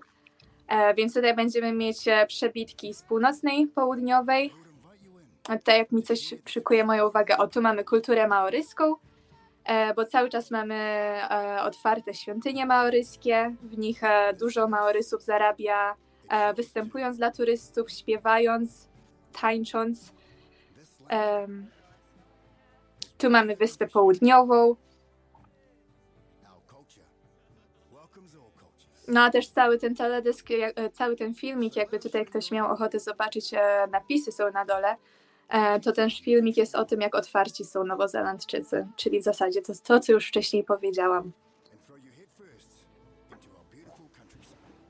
No tak, to wygląda na taką reklamówkę, ale jednocześnie Tutaj jeszcze ci powiem, to jest bardzo ciekawy fragment, to co oni tutaj kopią na tej plaży. Mamy taką plażę na, na Wyspie Północnej, pod którą są e, gorące źródła wody i ta, ta gorąca woda wycieka szczelinami i można sobie wykopać taki basenik e, z piasku i on się napełni wodą naprawdę gorącą, 40 stopni albo więcej. E, I można sobie w tym baseniku poleżeć, skoczyć do oceanu i wrócić z powrotem do gorącego jacuzzi własnej roboty.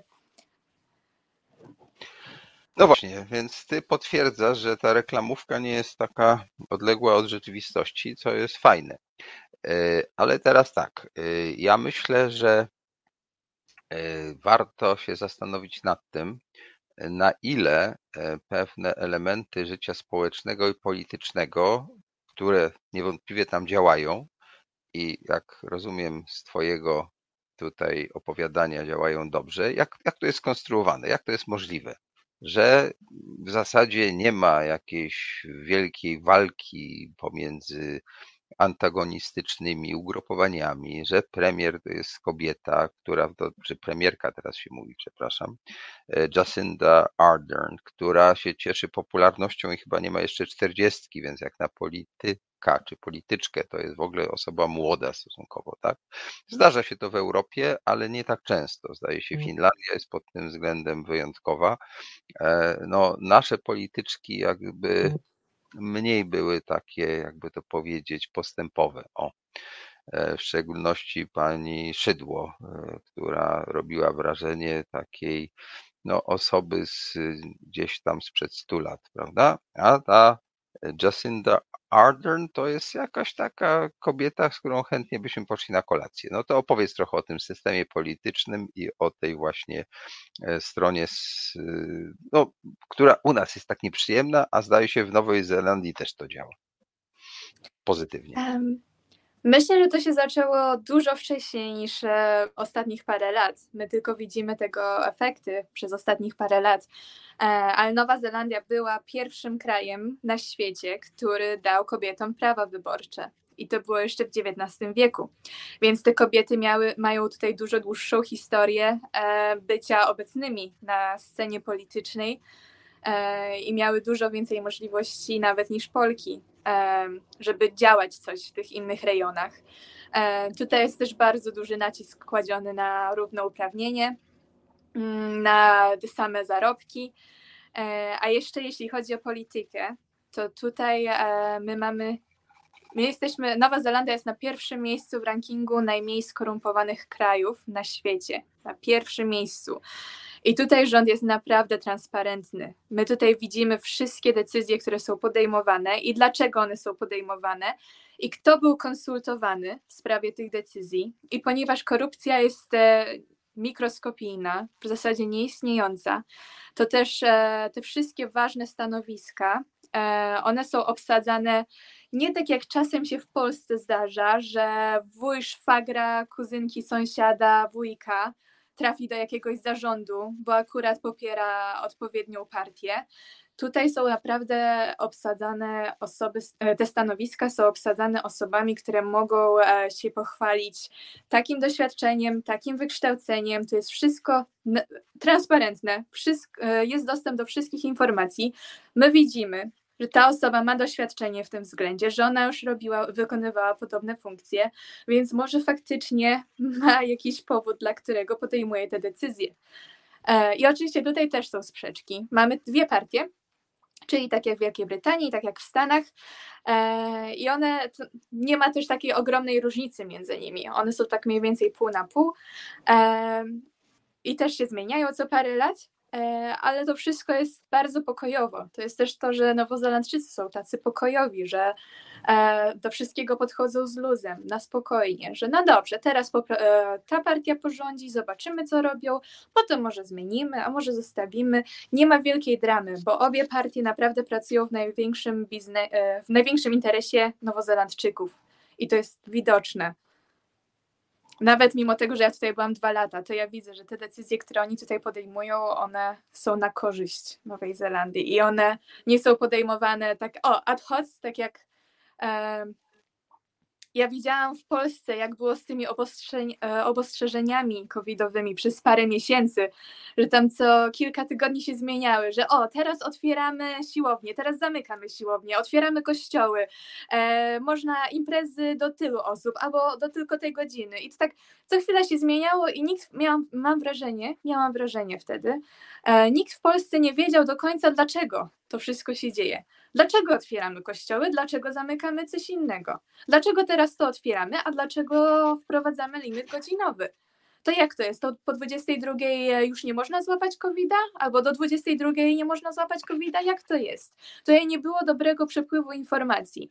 A to znów w Nowej Zelandii działa naprawdę doskonale. To, że te wszystkie decyzje są wyjaśniane, to, że my widzimy osoby przy wszystkich oświadczeniach, na przykład covidowych, e, szef e, ojej, minister e, zdrowia był obecny, była rada, która pomagała mu podejmować te decyzje. Oni wyjaśniali, dlaczego to się dzieje, dlaczego będziemy mieć na przykład cztery levele, bo w Nowej Zelandii były cztery levele lockdownu, e, a teraz mamy znów e, nowy system, mamy trzy światła, zielone, czerwone i żółte światło. I oni wyjaśniają, czemu te zmiany się dzieją, dlaczego coś się dzieje. I myślę, że to naprawdę, naprawdę pomaga. My tutaj nadal mamy antyszczepionkowców mimo że mamy 94% społeczeństwa zaszczepione, bo rząd e, podszedł do tego bardzo restrykcyjnie i tutaj nie dało się utrzymać pracy albo iść do piekarni bez pokazania dowodu szczepionki. E, także są te osoby, które się cały czas e, wyrażają przeciwne opinie. Są osoby protestujące. Ale to wszystko dzieje się na takiej fajnej taki fajny sposób, że tutaj ludzie wymieniają te opinie, wyjaśniają to wszystko, wszyscy mają równy dostęp do informacji, a myślę, że tego na przykład właśnie w Polsce często brakuje. Ja mogę to uzupełnić moim doświadczeniem, może nie nowozelandzkim, bo takiego nie mam, ale australijskim. E, jak realizowałem taki film pod tytułem Seduction Camp, w Polsce on e, jest dostępny pod tytułem Uwodziciele. To był gdzieś rok 2008, czyli Boże, już tak dawno temu, no, czas leci, prawda? Mm, paręnaście lat temu, to kiedy y, w tym systemie, w którym ja pracuję międzynarodowo, to się te projekty prezentuje na takich targach. Ja to zaprezentowałem w Amsterdamie i przyszedł do mnie e, australijski redaktor z SBS, australijskiej telewizji i w ciągu, nie wiem, 10, może maksimum 15 minut omówiliśmy sprawę. ile oni mogą dać pieniędzy za możliwość wyświetlania tego filmu w Australii, czego on by oczekiwał, jaka będzie e, komunikacja, no bo Australia daleko i tak dalej. E, no i tam jakieś szczegóły, już wszystkich detali nie pamiętam, ale pamiętam, że był bardzo konkretny. No, to dobrze zapowiadało. Ja współpracowałem z różnymi innymi redaktorami w krajach europejskich, natomiast po raz pierwszy miałem do czynienia z Australijczykiem. I potem, kiedy ten film zrobiliśmy mm, i y, rozsyłaliśmy go, dzisiaj to już dużo prościej jest, bo przez internet, który jest szybki, to się wysyła pliki tak już bezpośrednio, a wtedy to się wysyłało po prostu taśmę czy kasetę do Londynu i oni stamtąd to sobie wysyłali do Australii. No więc wysłaliśmy to do Londynu, stamtąd to poszło do Australii e, i y, w parę dni później przy, tak się zastanawialiśmy, czy oni to jakoś oceniają, czy co, co, co będą, że tak powiem, w tej sprawie dalej robić, bo jednak tutaj w Europie to e, jakaś tam czasem rozmowa była, jakaś wymiana maili, potem myśmy po ich informacji wystawiali fakturę i tak dalej, i tak dalej. A naraz się okazało, że jakieś pieniądze pojawiły się na koncie. I tak nie bardzo było wiadomo skąd, i one były w australijskich dolarach, jak potem śledztwo wykazało.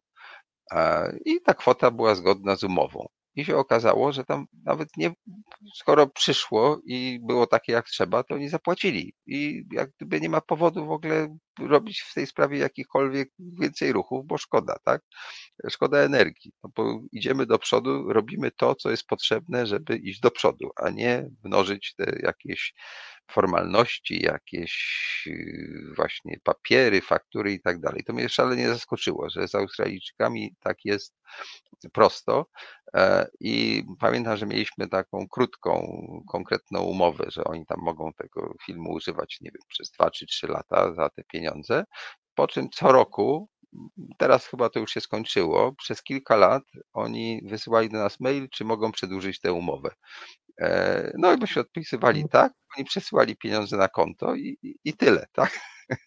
Nie było więcej ża ża żadnych formalności, wystarczył po prostu jeden krótki mail. To mówię o tym dlatego, że e, rozumiem, że Nowa Zelandia jest właściwie taką jakby podobną wyspą jak, jak, jak Australia, tak? I że tam jakoś te reguły gry się ułożyły no, tak bardziej przyjaźnie dla człowieka, tak? Nie ma tego wszystkiego, że musimy, nie wiem, wstawać z kolan, albo się bić, albo bronić, tak? Można przedyskutować i jakoś to załatwić. To jest możliwe, jak się okazuje. No, ja oczywiście rozmawiając z tobą mam takie poczucie, że to daleko i że nie wiem, czy będzie mi dane jeszcze tam pojechać, ale bardzo bym chciał zobaczyć, jakby, jak to jest tak naprawdę w działaniu, że to może tak być, tak?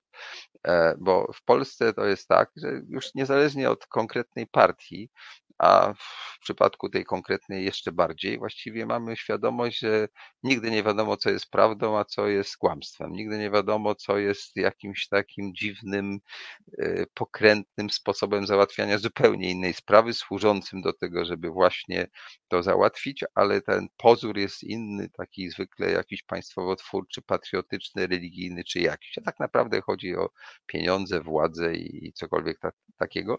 I może dlatego ludzie są tacy nieufni i tak naprawdę e, władze w Polsce e, z jednej strony są takie strasznie zaborcze i chcą kontrolować całe nasze życie i narzucają nam różne dziwne rzeczy, a z drugiej strony w zasadzie nie mają takiej władzy, jak, jaka jest w, Nowej Zelandii na przykład, że po prostu jak rząd coś powie, to tak się robi, tak? Że nie ma co z tym dyskutować, bo ten rząd robi to mądrze, tak? A jak nie będzie robił mądrze, to go zmienimy, tak? I koniec, tak?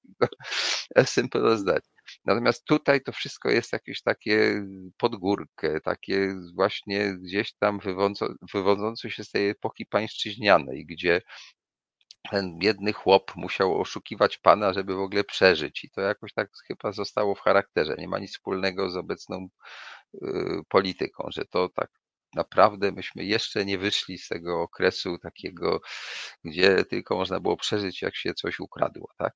I to nie chodzi o PRL, to chodzi po prostu o, nie wiem, 200 lat blisko podległości w stosunku do naszego wschodniego sąsiada.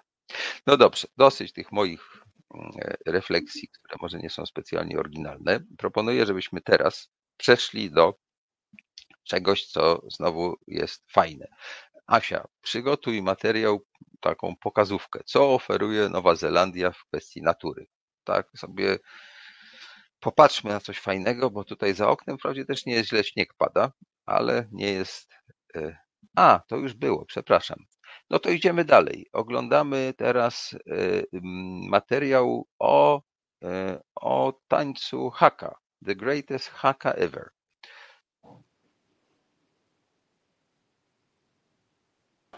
stand in front of them and receive the challenge of the haka. A ty wytłumacz nam, droga e, Miko, właściwie na co my patrzymy. E, My patrzymy na narodową drużynę rugby. Rugby to jest tutaj e, sport numer jeden, tak jak piłka nożna w Polsce. A taniec haka to jest tradycyjny taniec maoryski. Maorysi, czyli rdzenna ludność Nowej Zelandii, tańczyli hakę przed wojnami. To jest taniec wojenny. I zaraz zobaczycie, jak dużo oni krzyczą, jak się biją w pierś. To jest taki taniec, który ma na celu ich nabuzować, nakręcić, żeby oni potem tych przeciwników mogli zmieść e, od ręki. E, I obecnie ten taniec e, właśnie jest obecny e, w występach e, drużyny rugby. Oni ten taniec e, wykonują przed każdym meczem.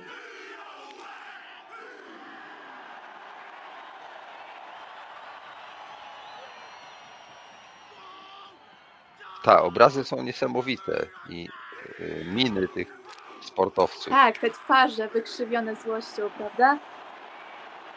Tak, oni jakby nie ukrywają emocji, przeciwnie, się nakręcają. Oni Tak. jakby budują w sobie tę energię do rywalizacji sportowej.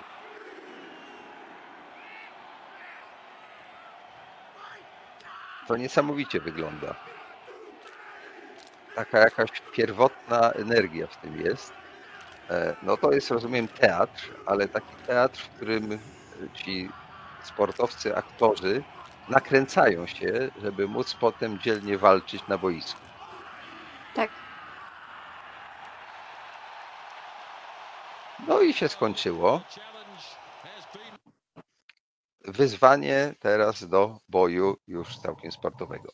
No właśnie, y, tutaj dotknęliśmy chyba czegoś, co y, jest takim elementem bardzo istotnym mm, kultury tego kraju, mianowicie ta tradycja, tradycja maoryska, prawda? Bo to nie jest tak, że to przywieźli Brytyjczycy, to nie są zachowania z Londynu, tak? Brytyjczycy by siedzieli w fotelu, palili cygaro albo ewentualnie pili whisky.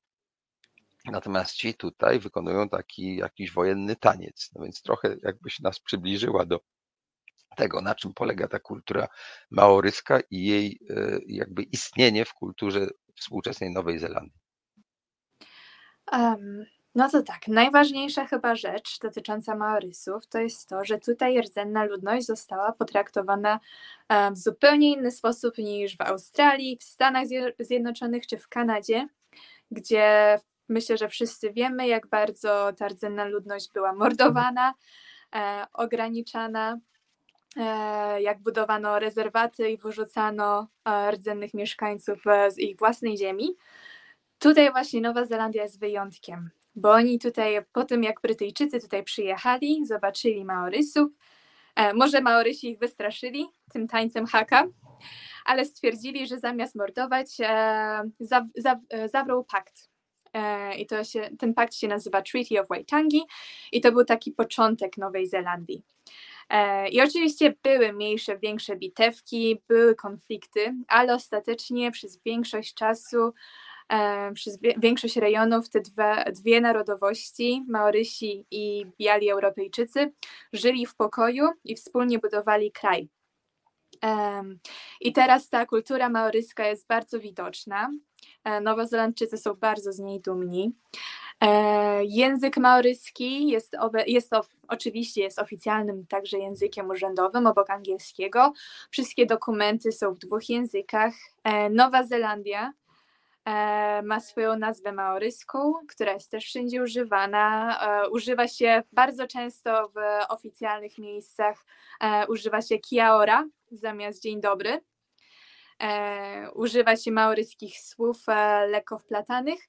E, oczywiście Nowozelandczycy wzorem Brytyjczyków i Amerykanów nie potrafią mówić w dwóch językach, nie wiedzą jak się nauczyć obcego języka, więc mimo, że mają ten maoryski przez pierwsze trzy lata, chyba w tej chwili jeszcze trzy lata, ale to się będzie zmieniać, będzie tego maoryskiego więcej. Mimo, że uczą się tego maoryskiego, to wychodzą po tych paru latach ze szkoły potrafiąc wyrecytować kolory, liczby e, i parę podstawowych zwrotów ale bardzo szanują ten język, szanują kulturę. E, oczywiście to jest świetne źródło dla e, turyzmu, świetne miejsce dla tury, turystów do obejrzenia. E, w wielu miejscach w Nowej Zelandii są te świątynie, które widzieliśmy na wcześniejszym e, filmiku, gdzie właśnie można zobaczyć rytuały, tańce, pieśni maoryskie. E, obecnie też jest trochę większy boom na to, bo mieliśmy księżniczkę Disneya. Kojarzy... Nie wiem teraz po polsku, czy jest Vajana, czy Moana. Zawsze mi się te dwa słowa myliły. Nie Chyba umiem ci Vajana. Po, pomóc w tej sprawie niestety. No to już myślę, że nasi odbiorcy tutaj nas poprawią. A, Tak, e, e, to jest Wajana, tak nam Asia tu podpowiada. A tak. Moana to jest wyspa, tak, tak. No to dobrze, że Asia czuwa i słucha i też może nam tutaj pewne rzeczy poprawić. Dziękujemy. Także e, na, właśnie była ta świeża księżniczka A, Disneya, to przepraszam, to jej córka podpowiedziała sześciolatka. Cudownie. No, także jeśli kojarzycie te czółna, które na tej, w tej bajce mieli, kojarzycie tego Mogliego, tego wielkiego mięśniaka. E, Mowgli to jest e, tutaj e, Bóg maoryski, e, z którym też jest związanych mnóstwo podań, legend. No i jako, że Nowozelandczycy sami w sobie nie mają takiej własnej specyficznej kultury, czy kuchni, czy zwyczajów, jako że są potomkami Brytyjczyków, to bardzo chętnie dzielą się, jak to, tutaj jest Nowa, no okej, tu jest Nowa Zelandia, tutaj wszyscy porówno korzystają z tej samej historii, z tych samych zwyczajów, traktują je jak swoje, e, więc Nowozelandczycy są na pewno bardzo dumni z tego, że mają tutaj tych rdzennych mieszkańców, e, że żyją z nimi w pokoju, e, że mogą mieć wspólne tradycje. Oczywiście Nowozelandczycy nie będą tańczyć czy śpiewać, ale już na przykład przy tym tańcu haka e, w drużynie rugby mogą już to e, występować. Magicznym kamieniem e, no, Maorysów są Punamu. Tu mogę nawet pokazać swój. jak to zrobić, żeby było widać? Tak, widać bardziej, taki- o tak, teraz dobrze. No, Właśnie widać, na, że to jest kotwica? Przesuń to troszkę dalej od ciała, to będzie, o, teraz jest świetnie. No, to jest kotwica. E, I punamu są robione z e, greenstone. To jest coś podobnego do jadeitu. Są rzeźbione ręcznie e, i one były kiedyś używane jako broń, jako narzędzia przez Maorysów i jako pamiątki rodowe. One były przekazywane z pokolenia na pokolenie, a obecnie to jest e, najpopularniejsza pamiątka e, dla turystów przyjeżdżających do Nowej Zelandii. Tutaj każdy kupuje te naszyjniki. E, ich nie można kupić dla siebie, bo to wtedy się sprowadza na siebie klątwę, więc kupują je dla rodziny po, powrocie, po powrocie do domu i przywożą je masowo. No świetnie, a y, tak mnie tutaj mm, y, mm, jakby interesuje też ta strona mm, y, jakby duchowo-religijna, bo ty wspomniałaś, że są te świątynie maoreskie i tak dalej. Ja rozumiem, że Brytyjczycy, którzy tam przyjechali, to byli generalnie protestanci. No, protestanci też mieli swoje za uszami i potrafili być niesłychanie okrutni, ale generalnie rzecz biorąc, są bardziej otwarci niż katolicy e, szczególnie dzisiaj. I teraz pytanie jest takie, czy religia pełni jakąś istotną rolę w życiu społecznym w Nowej Zelandii i jak się w tej sprawie układają stosunki między ludźmi? Jakie religie tam są i e, czy żyją zgodnie, czy przeciwnie potrafią walczyć tak jak no, w Europie niestety? Religia nie pełni żadnej funkcji e, w, now, w życiu Nowej Zelandii. E, Nie jest w żaden sposób powiązana z polityką. E, Większość Nowozelandczyków będzie albo niepraktykująca, albo to będą ateiści. Poza tym religii jest tutaj mnóstwo, bo też jest mnóstwo imigrantów. Tu jest mnóstwo Hindusów, jest mnóstwo Azjatów, są ludzie z RPA, z Ameryki Łacińskiej, Europejczycy. Tu jest pełen miks religii i obyczajów, i oczywiście Maorysi, których jest mnóstwo.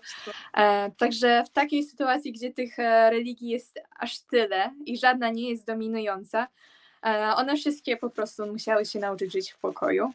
Zresztą to nie był problem. Z tego, co mi wiadomo, nie czytałam nigdy o żadnych tutaj sporach religijnych. E, no i oczywiście religia tutaj trzyma, trzymana jest daleka od polityki. No tak, to bardzo wiele wyjaśnia. Nie wiem, czy to jest skutek, czy przyczyna, ale jedną z istotnych cech systemu politycznego w Polsce, że właściwie trudno odróżnić Kościół od partii politycznej, prawda? E, że to się tak jakoś zlewa i de facto gdyby antropolog czy politolog z zewnątrz próbował opisać nasze stosunki, no to Kościół katolicki jest tutaj jedną z formacji polityczno-społecznych, które dominują nad e, naszym życiem. Dla jednych to jest wspaniałe i uważają, że w ogóle to jest droga do nieba, ale dla tych szczególnie młodszych ludzi to chyba jest taki E, bagaż, z którym no, nie bardzo chcą dalej podróżować, więc może polska droga będzie taką drogą jak takich krajów, które niejako poszły do przodu, prawda? I e, jak widać, można żyć w ten sposób i to nawet zdaje się szczęśliwie, tak? E, to wydaje mi się jest interesujące właśnie, żebyśmy no, nie tylko patrzyli na Nową Zelandię w kategoriach piękna natury i no, niewątpliwie pewnego bogactwa, tak, skoro tam standard życia jest wysoki, ale także, żebyśmy rozumieli, skąd to się bierze, bo to się nie bierze samo z siebie, tak? Nie wydaje się pieniędzy na rzeczy niepotrzebne, budowę jakichś zupełnie zbędnych rzeczy, e, i takie arbitralne podejmowanie decyzji, że teraz zainwestujemy w to lub w tamto. Bo ja rozumiem też, że w Nowej Zelandii jest normalna gospodarka rynkowa i rząd nie służy do tego, żeby wyznaczał, co mają ludzie robić, tylko stara się stworzyć im warunki do rozwoju. Czy tak jest? Tak. Tak, tutaj rząd e, bardzo wspiera e, pewne dziedziny gospodarki. Tak jak na przykład teraz przez to, że lockdown, tutaj my mieliśmy zamknięte granice przez dwa lata, to wszyscy, którzy zarabiali w turystyce, mieli dofinansowania przez długi czas. E, jest, jest bardzo duże wsparcie. Właśnie ten rząd, który teraz mamy, on jest bardzo opiekuńczy. Bardzo właśnie to jest główny zarzut przeciwników, że oni rozdają za dużo. E, natomiast e, rzeczywiście bez tego wsparcia mnóstwo ludzi by zbankrutowało po zamknięciu granic, bo tutaj turystyka to jest ogromny biznes. Wydaje mi się, że największy biznes, chociaż mogę skłamać, możliwe, że owce będą na pierwszym miejscu, eksport mięsa. E, ale wydaje mi się, że turystyka przez ostatnich parę lat była właśnie głównym, e, największą gałęzią gospodarki. E, więc to, że ten rząd się opiekuje, że daje zasiłki, że pomaga stanąć na nogi, to jest naprawdę bezcenne. Tak, ale moje pytanie było takie, czy poza no, tą stroną, o której mówisz, taką opiekuńczą, co jest dosyć chyba naturalne w sytuacji, kiedy e, spada takie nieszczęście jak pandemia czy, czy inny kataklizm. E, czy, e, czy rząd próbuje, no tak jak u nas, forować pewne gospodarcze przedsięwzięcia typu, nie wiem, przekop mierzei, budowa jakiegoś wielkiego lotniska, czy nie wiem, wielkiej elektrowni, którą potem zresztą rozbiera, tak jak w Ostrołęce, tak? E, czy, czy, czy ten rząd się ogranicza do pewnego rodzaju, jakby to powiedzieć, stworzenia warunków, y, czy, czy wspierania wtedy, kiedy już sobie ludzie sami nie, nie mogą dać rady? Jak to jest? Ja nie słyszałam o żadnych wielkich projektach, e, ani przez te dwa lata, które tutaj spędziłam, ani wcześniej. E, wydaje mi się, że teraz na pewno rząd ma pełne ręce roboty właśnie z lockdownami, z covidami, także to nie jest czas na wielkie finansowe inwestycje, ale też nie wydaje mi się, żeby coś takiego tutaj się działo. Mm, tutaj e, te nowe e, rodzaje energii, Mhm. pozyskiwania energii. E, i jeszcze to wszystko tutaj raczkuje. Nowa Zelandia jest mocno w plecy za Europą, co najmniej kilkanaście lat. E, Także tutaj ta energia odnawialna może jeszcze, może się pojawi, ale na chwilę obecną jest znikoma. E, Z tego, co ja zaobserwowałam, chociaż mogę się mylić, e, tutaj rząd się tymi sprawami nie zajmuje. No tak, to wydaje mi się, że to jest, y, jakby to powiedzieć, y, dużo bardziej racjonalne, ponieważ w momencie, kiedy rząd takimi rzeczami się zajmuje, to po pierwsze, bardzo często są to pomyłki gospodarcze, a po drugie, raczej znowu to nie służy do tego, żeby coś się wyprodukowało, tylko żeby pewna ilość zwolenników rządu mogła znaleźć pracę i dobrze na tym zarabiać, prawda? Te wielkie słomiane inwestycje to są takimi e, miejscami, które służą do przepompowywania mm, środków państwowych, publicznych naszych podatków do kieszeni czy do e, na konta, które być może są też daleko poza naszym krajem, żeby nikt tam nie mógł zajrzeć. I to się wydaje dosyć oczywiste, tak? I jak widać, można inaczej, tak? Dobrze jest zawsze tak sobie pomyśleć, no, no tak, ale jakby rząd się nie opiekował, to by się nie. Nie, nie, rząd nie musi, tak? Jeśli da się obywatelom szansę, to wtedy oni mogą sami e, tworzyć te, te, te dobra i rozdawnictwo nie jest najlepszym pomysłem, bo w coraz większym stopniu ludzi u, uzależnia i w jakiś sposób e, powoduje, że powstaje taka z generacji na generację bardziej roszczeniowa postawa, zamiast jakby budować pewnego rodzaju, no nie wiem, samodzielność, prawda, czy przedsiębiorczość. No dobrze, ale to już znowu takie może trochę naiwne moje refleksje. Przejdźmy teraz do e, sprawy obecnej, e, bo 200-300 kilometrów od nas e, trwa wojna.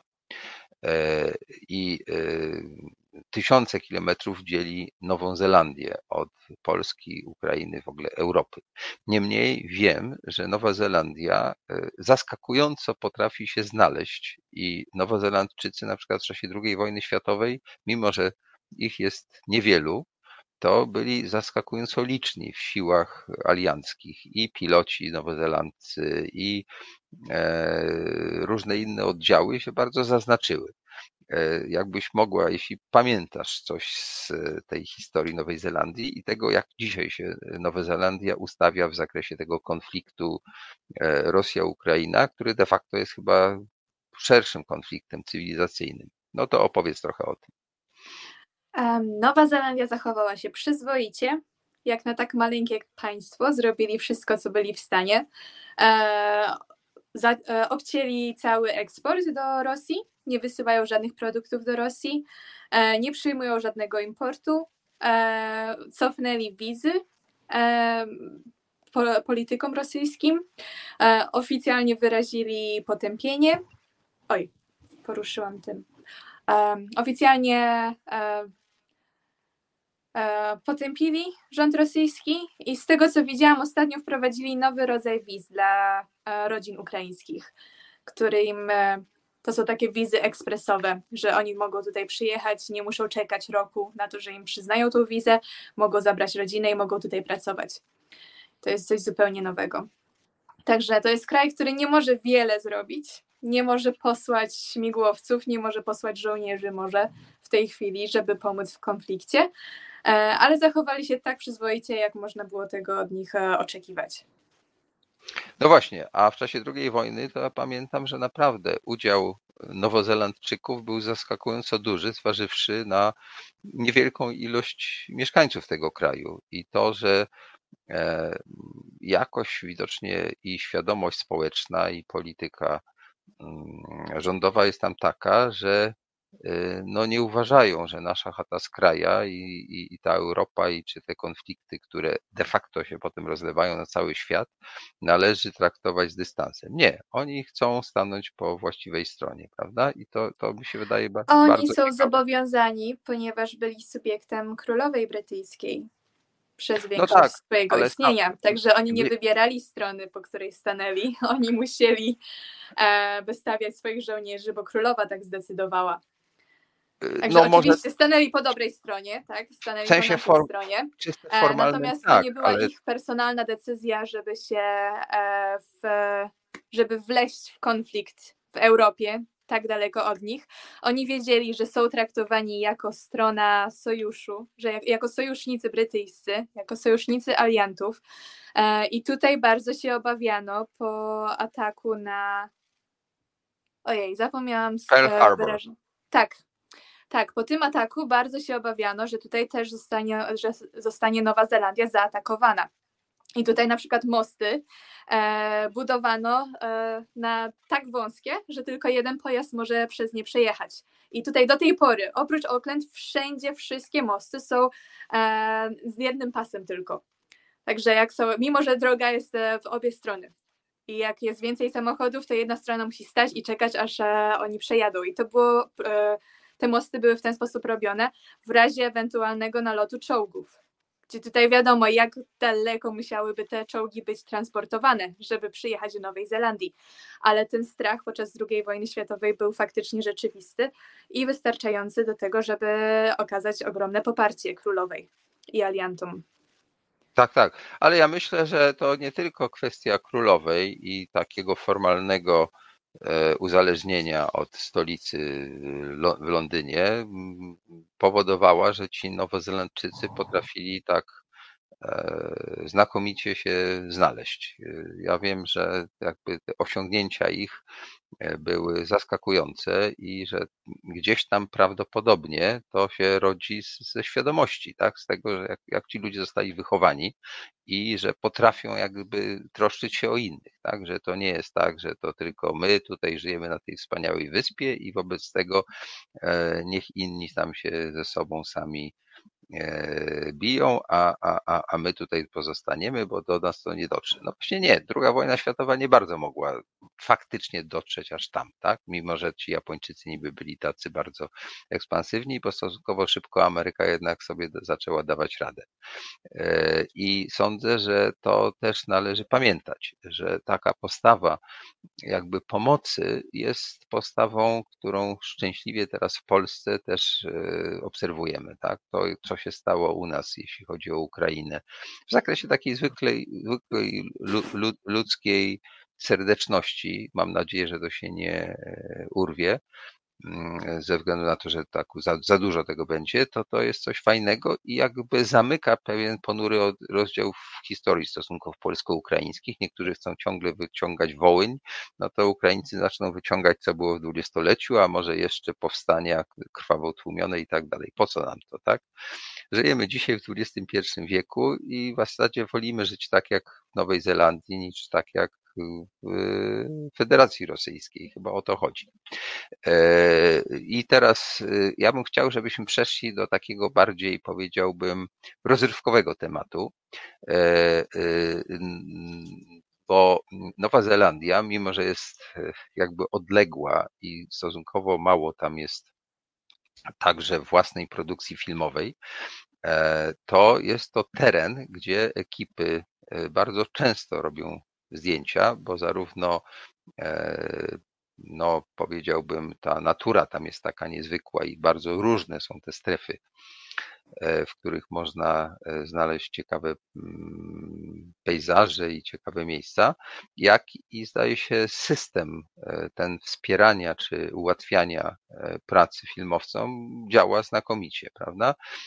To y, powiedz coś o tym, a Asia w międzyczasie przygotuje nam taki krótki materiał filmowy. Jak będziesz gotowa, Asiu, to daj znać, a tutaj ja bym chciał, żebyś ty mm, opowiedziała Miko, jak to wygląda. O, mamy już gotowy. No to najpierw puścimy, a potem opowiesz. Dobra. Asiu, projekcja. To może jeszcze wyjaśnimy, że ten materiał filmowy to jest e, materiał z linii lotniczych, który jest e, puszczany przed każdym lotem w nowozelandzkich liniach lotniczych. I tutaj za chwilę zobaczycie parę znajomych twarzy. Na przykład Frodo.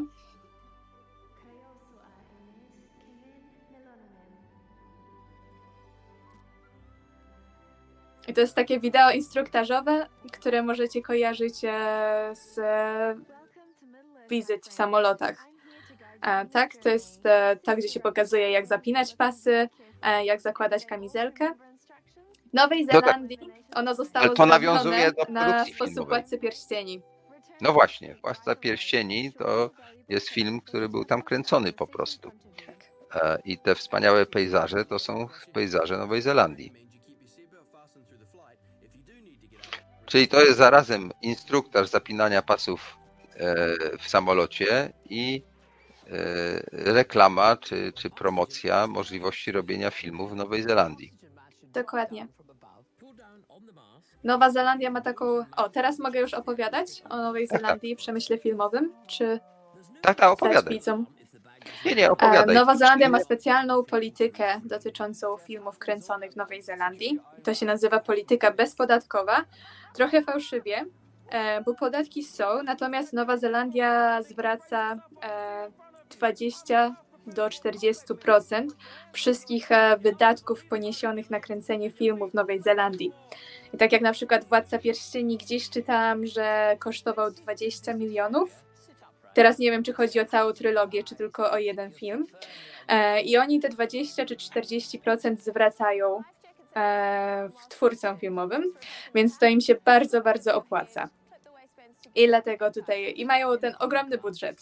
E, budżet Nowej Zelandii na wsparcie filmów to jest kilka miliardów na następnych kilka lat. Więc mamy tutaj Władcę Pierścieni, mamy Mission Impossible, mamy mnóstwo filmów. I to właśnie też zaczęło cały ten turystyczny boom na Nową Zelandię, bo on się zaczął dopiero na początku lat 2000 po premierze pierwszego, władcy, pierwszego filmu Władcy Pierścieni. I od tamtej pory było już coraz gorzej. To znaczy, z coraz roku na rok coraz więcej turystów. No, z jednej strony to może nieco zakłóca ten spokój, który tam panował, ale z drugiej strony to rozumiem, napędza gospodarkę i powoduje, Tak. że się ten kraj rozwija po prostu. No, Tak. coś za coś. No. Nozo- Nowozelandczycy bardzo narzekają, że w czasie jak granice są otwarte, że oni nie mogą nigdzie sami zwiedzać kraju. Nie mogą chodzić po tych wszystkich traktach, bo wszystkie schroniska są e, wybukowane na miesiące naprzód, e, że nie mogą korzystać tutaj z Queenstown, bo wszystkie hotele są zawsze pełne, też na tygodnie naprzód. E, ale to jest też źródło utrzymania dla wielu Nowozelandczyków, więc będą tacy, którzy będą narzekać, a będą tacy, którzy teraz narzekają, że mamy zamknięte granice. O, tutaj ten pan to jest Peter Jackson, e, czyli reżyser Władcy Pierścieni. No to mają się czym pochwalić. Te produkcje to są y, produkcje, które chodzą po całym świecie i y, ich zasięg y, jest ogromny, ale tu widać, że potrafią Nowozelandczycy to wykorzystać do promocji swojego kraju, co wydaje mi się jest dosyć fajne i ja mogę tutaj dodać, że w Polsce też istnieje taki system. To się nazywa po naszemu zachęty. y, To jest tax rebate po, po, po angielsku. I produkcje, które są realizowane w Polsce, mogą odzyskiwać część środków.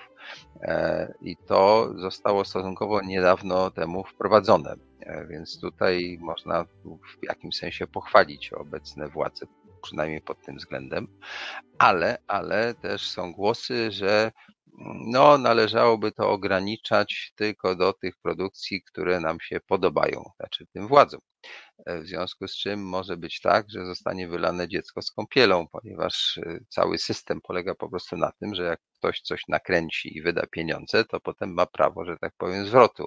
I nikt mu nie zagląda, że tak powiem, do scenariusza. Jak się zacznie zaglądanie do scenariusza, no to jest cenzura, więc mam nadzieję, że to się nie stanie. Zobaczymy, jak będzie. Ale ten system e, znany w Europie i znany nawet w, sąsiednich krajach zaczął funkcjonować w Polsce. No to ja myślę, że tak. Jesteśmy już bliscy e, finału naszej dzisiejszej rozmowy. E, Chciałbym e, jeszcze raz podkreślić, że to jest może trochę ucieczka e, do krainy y, baśni czy krainy bajkowej, ale taka ucieczka czasem jest potrzebna, bo y, codzienność w Polsce dzisiaj nie jest taka łatwa, a to poczucie zagrożenia, które e, mamy i ta wisząca nad nami wojna i świadomość, że dosłownie paręset kilometrów dalej e, giną ludzie i to w straszny sposób mordowani, e, no jest czymś, przed czym trudno uciec, tak? I możemy mieć taką chwilę takiego jakby właśnie, nie wiem, relaksu czy informacji, że może być inaczej, tak? Że, że, że są miejsca, e, które natura może tak pięknie, że tak powiem, stworzyła, ale ludzie potrafili to e, dalej pociągnąć w taką stronę, że tam się żyje fajnie, prawda? No bo gdyby ten rząd nie był taki, jaki jest, system polityczny i społeczny nie był jakiś rozsądny i przyjazny ludziom, to by ta cała natura wcale nie była już taka fajna. Dobrze, to takie znowu moje wymądrzanie, a teraz powiedz mi, które już skończę, powiedz mi tak ty na koniec, co byś jeszcze chciała powiedzieć, masz na to y, dwie minuty. Oj, chyba wszystkie tematy pokryliśmy. O, Dobrze, dwie to godziny gadania to już starczy chyba. Okej, to ja myślę, że tak. E, Ja Ci chcę bardzo podziękować za to, że znalazłaś czas e, i e, nie było to takie proste, żeby trafić e, w sensie możliwości synchronizacji naszych kalendarzy, tak? Bo ja musiałem to nagrywać stosunkowo wcześnie rano, żebyś ty nie musiała e, wychodzić z pracy, tylko żebyś mogła to zrobić po prostu wieczorem.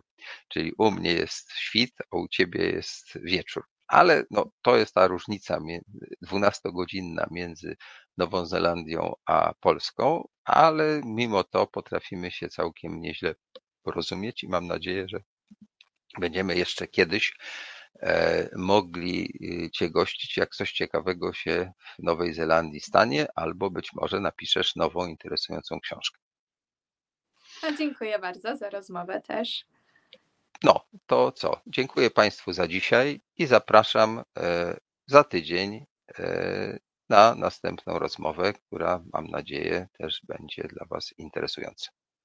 Do zobaczenia. Do zobaczenia.